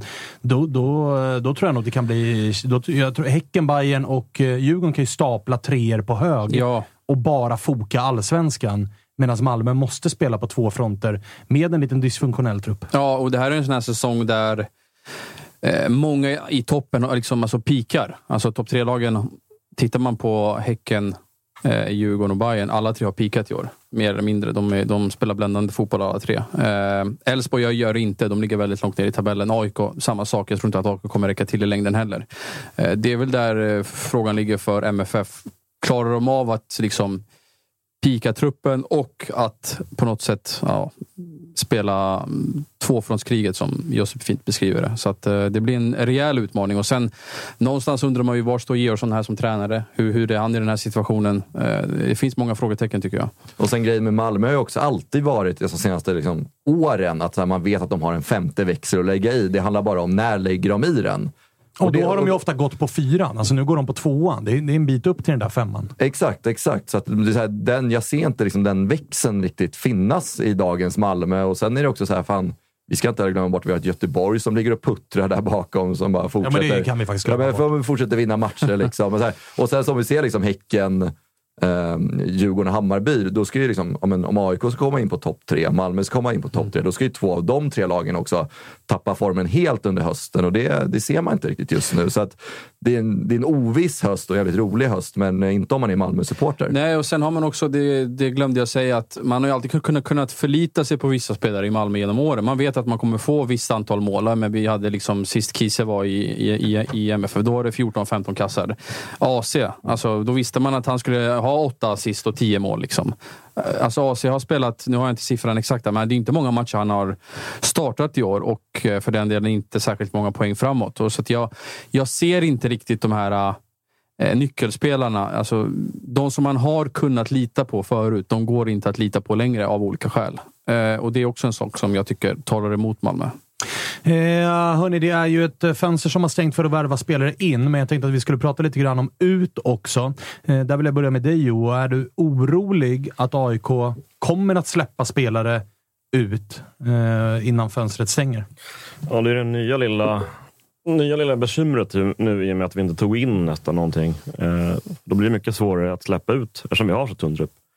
Eh, samtidigt som vi har spelare som Bilal och Ten som nog väldigt gärna vill gå. Och samtidigt som vi har en relativt tunn plånbok. Ja, så ja, fan, om vi samtidigt går till gruppspelet så är det ju... Ja, det är Den lite är- oroväckande om, de, om vi skulle minska truppen, för vi kan inte ta in dem mer. Nej, och den är ju också så här, skulle, vad sänder det för signaler att nu släppa en spelare? Dels det, men man ska också ha med sig att så här, värdeökningen på en spelare som spelar gruppspel i Conference League som är 22 år eller yngre, den kan nog bli ganska markant eh, ifall man då väljer att behålla. Så att jag tror att det är ett jävligt lurigt läge mellan AIKs eh, ja, på ledande position. Vi, pratar, vi har pratat om VD Emanuel Lindberg, vi har pratat om sportchef Henrik Jurelius. Att de brottas nog själva allihopa med hur de ska värdera ett bud som kommer. Åtminstone innan man har avverkat det här dubbelmötet med Slovacko. Nej, precis. Det är ju en väldigt speciell sits just nu. Eh, allt är så jävla oklart. För det, vi står liksom mellan himmel och helvete nästan på något sätt. Ifall vi går till gruppspel eller inte. För det öppnas en helt annan ekonomisk verklighet om vi, om vi kliver in där. Och sportslig utmaning kanske höjer liksom plötsligt eh, insatserna för Otieno eller Bilal. De kanske plötsligt tänder till på ett helt annat sätt. För vi kliver in där. Eh, men just nu sitter man ju bara och gissar för att vi vet ju inte om vi går in där. Liksom. Det är skitsvårt att... Signalerna man får är väl att AIK inte måste sälja i sommar. Eh, alltså det, är ingen, det är självklart bra om de gör det, men det är ingen piska som är framme att de måste sälja. Nu är dessutom, alltså, fönstret är ju stängt nu så de kan ju inte ta in, ta in någonting. Då tror jag att man kommer, jag, jag tror det ska till något bety, alltså ett riktigt bra bud om man ska överväga att släppa Bilal eller Otieno. Får man ett bud på Amar, då tror jag inte att man kommer fundera så himla mycket. Då kommer man nog bara eh, alltså in, då, jag pratar inte om skambud, men får man ett bra bud på honom, då tror jag att det är lättare att släppa en sån spelare än om man får ett bud på TNA eller, eller liksom Bilal som spelar varje vecka. Eh, Det blir ingen sportslig Nej. stor nedsida Exakt. av att släppa Amar. Nej, och så, men, men eh, däremot så tror jag att det är högst nödvändigt att, att sälja någon av de här spelarna till vintern i sådana fall. Ja. Hade du blivit lack på eh, Bosse ifall han sålde hien innan det här dubbelmötet? Med tanke på att det ändå, vi får ändå konstatera att det blir sämre, ganska klart sämre förutsättningar. Även om Danielsson på pappret, vi vet vad han har för högsta nivå. Men vi vet ju inte, är han på den högsta nivån nu? Är han redo att leverera på den nivån i det här dubbelmötet? Eller behöver han lite tid? Så många hemvändare som inte har spelat på länge kanske behöver lite tid att liksom, trimmas igång igen. Eh, så att, så att, hur hade du känt ifall han så, blev såld nu? Ja, men jag, jag, jag, jag känner ju verkligen att Danielsson kommer... Så här, vi pratar formen, absolut, men vi har Kalmar nu på söndag och sen har vi ju eh, matchen på onsdag hemma mot Apoel. Eh, Så jag känner mig rätt lugn i det och det är så här, får vi 40 miljoner för hien? Det är så här, när det började surrades om hien var det 15 miljoner, det surrades om 12 miljoner, nu är vi uppe på 40 miljoner. Eh, Jag tycker att så här, Hien har förtjänat att, att få gå om han vill gå. För han har varit så pass tålmodig att så här, Bosse har haft en tydlig plan för honom att fortsätter du leverera så kommer vi få mer pengar för dig och han har varit fin med det. Men någonstans så är det också lite så här, ge och ta. Att så här, okay, men Hien har vi fått ett bud på dig, 40 miljoner. Det är Serie A, det är Torino. Vi kommer inte hålla kvar dig. Men att dialogen kanske finns där också, de sinsemellan. Så här, men, och med Torino. Så här, men fan, vi vill ha dig i, i, i playoff-matchen. Uh, och Sehien eh, sa det också efter matchen igår, att han har ingen brådska att lämna liksom, idag eller imorgon. Utan fin, är det en done deal, han är kvar en och en halv vecka till. Jag tror att han är helt fine med det. Det kommer liksom inte vara avgörande för hans framtida utveckling i Torino. Det tror jag inte. Vad tror du, Anel? Tror du att han är kvar över dubbelmötet?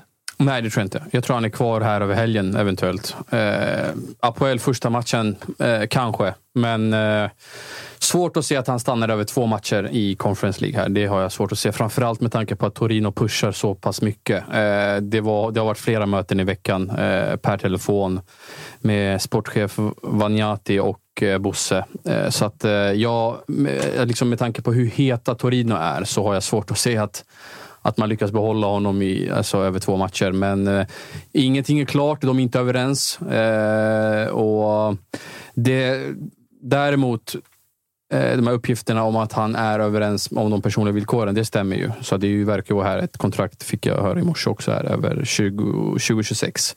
Eh, men sen var den exakta summan eh, liksom hamnar på eh, liksom, jag är ganska säker på att Djurgården kommer få en ganska fin vidareförsäljning. Eh, alla sådana detaljer, det får vi väl se, för det är inte klart än. Eh, hoppas kunna återkomma om det här i kanske nästa vecka eller så. Eh, men bra pengar kommer det i alla fall bli och det kommer allt tala för att det blir mer än vad Ike, Basel och Slavia har varit beredda att betala. Ja, för där prat, det var ju där inled- inledningsvis, där det var 15, Ja, 18, 13. 10, 12, 15 och så har det varit något bud på 13 där. Och, eh, beroende på hur man räknar med bonusar strax under 20 och så. Men ingen av dem har varit liksom beredda att stå där och betala 20, alltså 25-30 för att eh, de lägger inte de pengarna på spelare i allsvenskan.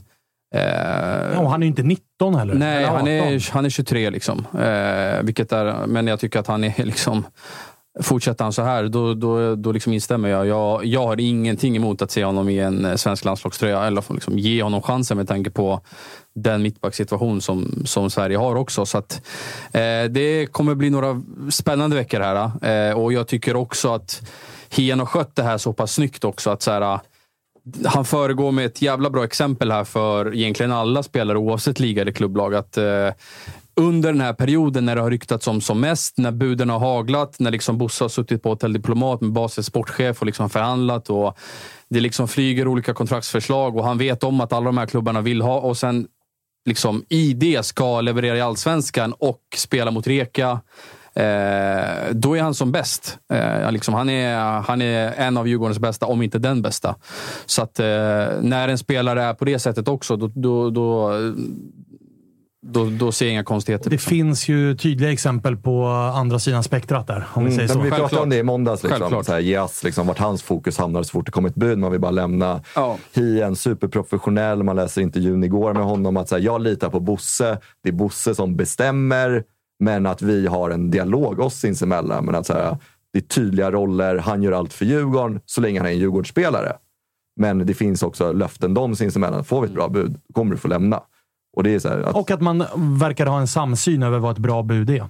Det var väl det som var skillnaden med Jasna. Han, blev- han blev väl också lovad att gå i vinterfönstret. Typ. Ja, men det verkar ju vara, snacket verkar väl ha varit att Jesper Jansson har sagt att kommer ett bra bud så kommer vi inte stå i vägen. Ja. Och då tycker Jehas att de Ja, men där det 15... var ett bra bud på 15. Ja, det tycker Jehas var ett bra Ja. bud och det tycker inte Jesper Jansson är ett bra bud. Då har man ju ingen samsyn och så blir det en krock där. Ja, han tyckte Medans- väl också att det var en bra klubb. Det Ja, var men väl någon fram- gång där... Gissningsvis också en bra lön. Ja, jag tror att jag skrev det där någon gång efter cupfinalen att eh, CSKA Sofia hade budat och det var liksom... Ja, men det är ju ingen sugen på. Alltså inte ens Nej. spelaren själv. Alltså flytta till Bulgarien och sådär. Så att, ehm, så att, eh, jag menar, där är det viktigt med en dialog. Så som jag har fattat det så har ju... Alltså, det har inte varit några konstigheter alls mellan Hien och Bosse. Och Bosse är liksom... eh, Han är rak och liksom, det är inga problem alls. Nej, men jag menar, det Eh, men börjar man vara- del, del, dela ut löften och säga sådär att ja, men, kommer det en bra klubb och, en bra, och, och, och ett bud som är liksom bra så det är klart att det, det bygger förväntningar. Fast med det sagt, oavsett löften så alltså, du kan ju inte matchvägra, träningsvägra oavsett vem det är, vilket klubblag. Utan det, Nej, menar, avtalet vara- ska ju alltid respekteras och klubbarna måste vara stenhårda där. Och det kan ju också vara vice versa. Alltså det kan ju vara så att ponera att det är eh, CSKA Sofia som lägger 40 miljoner på Isak Hien och Bosse känner att oh, 40 mil, gubben, det här ska vi ha. Men så sitter Isak Hien och bara “Bulgarien Bosse, dit flyttar jag inte”. Budgie. Alltså, jag menar, ja, men alltså, är du med? Det, det kan ju dyka upp sådana situationer också. Vad ska, ska klubbarna börja hålla på då och stänga av sina egna spelare för att de inte vill ha flytten? Eller? Det, det hade ju aldrig hänt. Nej, det går inte. Så det, men sådana där situationer har ju dykt upp många gånger, säkerligen. Att det kommer ett bud som klubben gärna vill ha, men spelaren vill inte ha den flytten. Så att jag menar, det, det, det måste ju spelarna vara med på också. Att det, det, it goes both ways. Ja, verkligen. Och tyckte Axén sa det jävligt bra i, i vet Discovery när man, när, när man lyssnar på honom. att Hade det varit omvänt, att, man vill, att en klubb vill liksom släppa en spelare under en säsong och bara säga men det vill, vill vi inte ha. Det är klart att den spelaren kommer ta fram pappret och säga så här, men jag har tre år kvar här. Ja, det är bara att pröjsa. Eh, Ska inte jag vara kvar? Eller vadå? Det är ju brott. Alltså, Ja. det är bara pröjsa liksom. Så att eh, någonstans så får ju... Det gäller klubbarna. Någonstans så måste ju också spelarna vara så här, hej, jag har ett kontrakt här. Vi, alltså, jag spelar och tränar tills klubben säger något annat. Eh, så att... Eh, Och Verkligen. där verkar ju Bosse ha en jävligt bra dialog med samtliga Ja, ja. spelare. Och liksom, någonstans handlar det om att sätta förväntningar för spelare också. Det är klart att här, vem som helst fattar ju liksom att här kommer ett bud från Serie A, då kanske man inte är kvar i Djurgården. Oavsett hur mycket man älskar Djurgården och hur mycket vi älskar Djurgården så förstår man ju också att spelare vill vidare ut i Europa. Vi förstår ju också att vi är i Hierarki. i, i näringskedjan. Eh, och det är det jag tycker Bosse gör så bra. Och det är klart att han också har lärt sig. Så jag tror att så här, efter budgetgrejen, jag tror han lärde sig jättemycket grejer. Man såg, han var helt förstörd där. Vi får ett bud på 50 miljoner. Han vill inte gå. Sen går Ja, han till Rapid för liksom någon- 18 miljoner. och så här, jag tror att han lär, lärde sig jättemycket där också. Ja. I liksom den situationen. Mm. Och jag tror att han har tagit med sig det in i liksom, sin fortsatta roll i Djurgården. För han har ändå varit i Djurgården så pass länge och han lär sig också hela tiden. Och så här, situationen med Hien och så här. En extremt harmonisk trupp om vi bara kollar vad Djurgården är nu. Och så här, Ja, jag vet. Fin, men jag tror han också, så här, snacket med Findell också varit så här, men fan, så här, du kommer få gå. Eh, vi väntar på rätt bud. Du har tålamod. Va? Ja, det, har du. det är klart att du vill ta ut Djurgården i Europa. Ja, det vill jag. Vinna en titel med Djurgården. Ja, det vill jag. Så att, här, dialogen finns där. Hade Djurgården legat sjua Ja, då kanske inte ens de här buden hade funnits på de här spelarna heller. Men då hade det varit en annan verklighet och då kanske man hade behövt släppa spelarna på andra premisser. Men det blir så här, fan vi ska ut i Europa, vi ska gå för titeln. Vill inte ni vara med och uppleva det här? Ja, och det höjer värdet och då kommer det bättre bud och hela jävla cirkusen. Vidrigt är det ju Ja. att de sitter här och mår eh, så, som Försöker de mår. åt ett annat håll. Här. Ja. Ja, men jag tänkte på det. Liksom. det är, man har en enorm sinnesro. Liksom, att så här, Isak Hien är på väg bort och man är ändå så, här, så pass lugn att så här, vi har ersättaren i truppen. Många andra Men det gånger... är ju kul att så här, det skiljer eh, är det tre poäng mellan, fyra poäng mellan AIK och Djurgården. Mm. Båda står inför ett playoff där båda har ganska goda möjligheter. Djurgården är på väg att tappa sin bästa spelare. Ändå så är det liksom i AIK-lägret, det- där, där är man, man grubblar och man sliter sitt Ja, hår. Medan Djurgården är det bara... Ja, 40 livet miljoner in, in med Danielsson som startspelare. Men kolla på de senaste 12 åren på eh, tabellplaceringar, hur allt har varit. Vi är liksom inte vana med den här stationen där vi är två eller trea i tabellen i Stockholm. Liksom.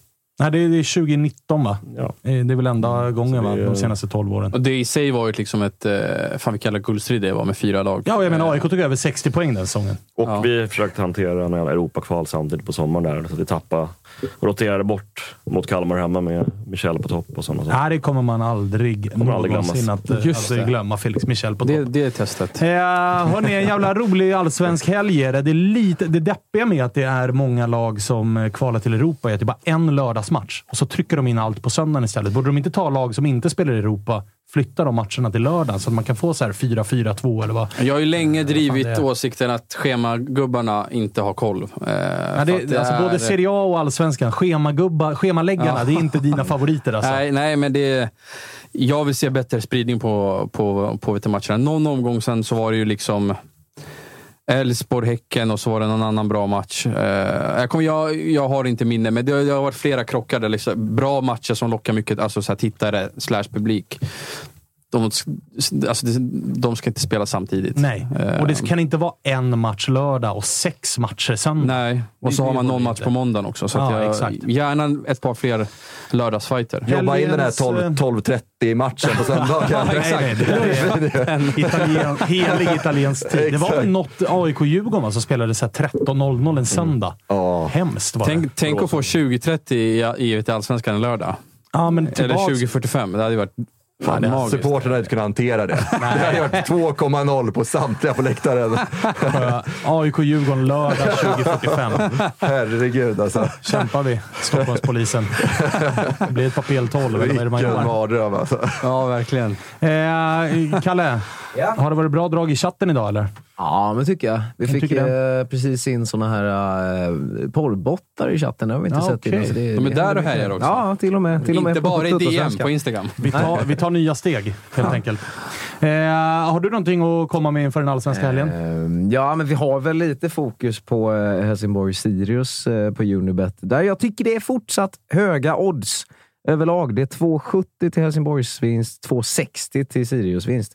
Ehm, jag tror inte Helsingborg är kapabla att vinna, så att eh, jag hade nog satt Sirius till 2,60. Eftersom att jag är över 18 år och jag har inte problem med spel, för då hade jag gått in på stödlinjen.se istället. Vilket bygge som Granen står för. Ja, herregud ja. De, de, de, de, de, ville ju också, alltså du vet när det går åt helvete så vill de ändå vara virala.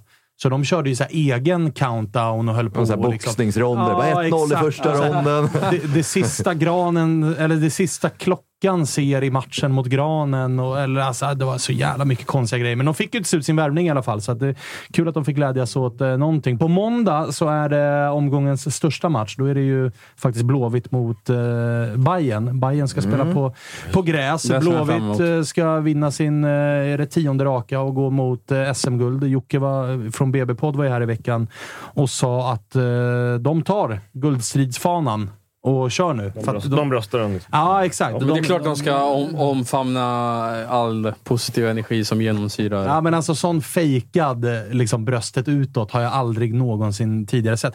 Jävla märklig deadline day-värvning de stod för i Pontus Dahlberg. Ja, de har ju men- hyllat sin jävla målvakt hela Ja, säsongen. som Tycker synd om Werner han. Ja, har inte jag- hållit nollan fyra raka matcher. Han varit deras bästa spelare. Det måste vi plockar ju in hänga Pontus ihop. Dahlberg på fyra och ett halvt år. Men det måste ju hänga ihop med att han inte vill förlänga. Han har ju ett plus ett. Eh, så det måste ju ha att så här, okay, då, då, jag, alltså jag antar att Mild och Stara har fått signaler att okay, han kanske kan tänka sig att, att uh, byta lag här, eller liga. Uh, och då uh, plockar man hem Dahlberg.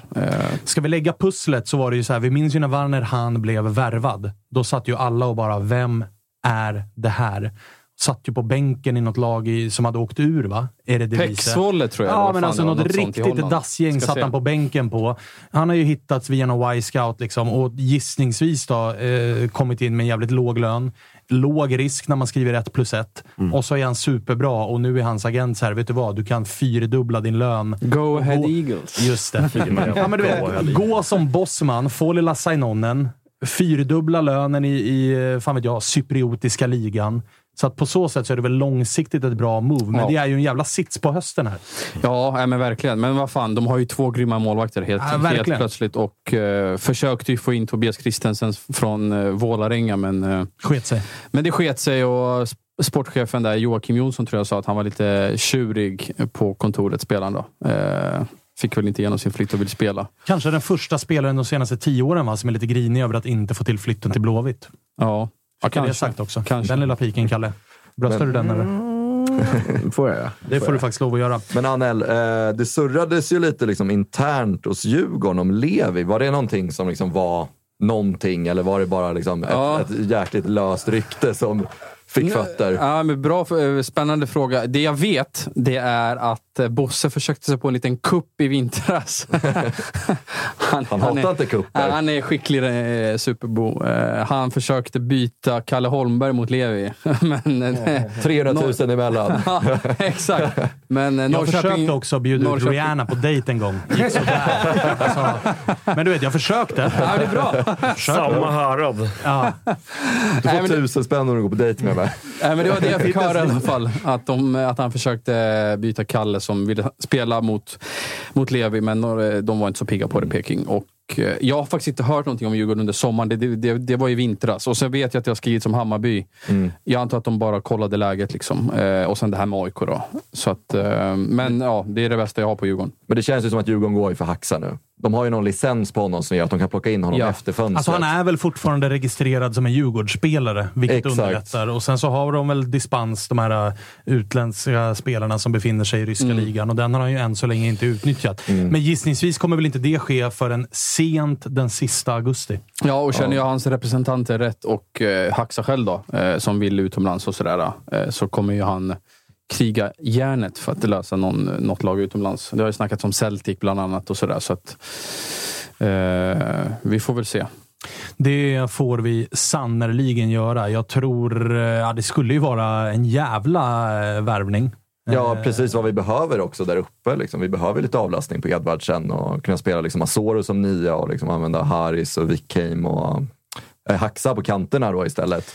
Men nu är man ju så här lite grann att det går så pass jävla bra för Djurgården eh, på alla positioner. att så här, Vill man röra startelvan ens för att de är så jävla bra ihop? Liksom? Eh, Jag tror Det det, man börjar ju se lite skavanker. Det är så här, Findell gick ut Ja. igår, Rasmus gick ut igår. Så att jag tror så här, Edvardsen har ju också Ska ju, liksom, han har ju planerat byten på honom i minut 65, så har ju någon annan gått av så att han fullfölja matchen och spela 90. Och jag tror att skulle liksom vara bra att vila honom lite mer än vad man kanske gör nu och framförallt gå in i ett Europaspel också, gruppspel. Själv känner jag ju att det går så jävla bra för Djurgården så att jag börjar googla adressen till Västerbron. Det, men det är en annan femma. Liksom. Det, det känns för jävligt gör det. Eh, men ni ska nog eh, ha formtoppat det där för tidigt och lyckas skita ner er ändå. Det är min eh, förhoppning. Är det någonting vi har missat känner ni? Eller ska vi ta helg? Nej, men vi kan ju bara hylla Djurgårdens starka Europaspel. sluta då. nu. Fyra raka vinster där i kvalet nu. Sluta nu. Ni är i, är samma, tilläggstid nu, ni är alltså. i samma runda som, eh, som pissusla Gnaget. Det är precis vad fan är. Det stora testet kommer nu. Ja, verkligen. Verkligen. Ja, Och och det ska bli en rolig match. Lilla, lilla örfilen här nu när Djurgården åker och AIK trasslar sig vidare. Då kommer den där Djurgården... före. Ja, ja, ja. Får se ja, om de lyckas smuggla in Sarfo i Sverige. ja. Just det. Ja, han får inte, han får, han är ju han får, ja, han får inte spela på onsdag.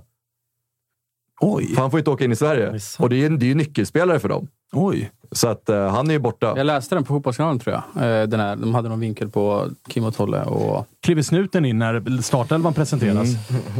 Det vore ju starka scener. eh, ja, men då får vi skicka dit ett par fotografer. Det vill man ju ha bilder på. Jaha, ja, ja. Herregud. Som De står ju på. Arlanda där redo. ja, ja, ja. Fan vad Kollar igenom alltså. gubbarna som landar där från Sarfo. Apoel-planet. Länge sedan man pratade om Kingsley Sarfo. Han kommer Eh, få hett om öronen bortaplan, har man en känsla av. Ja, Det är ju absolut eh, känslan. Vi får se hur det går.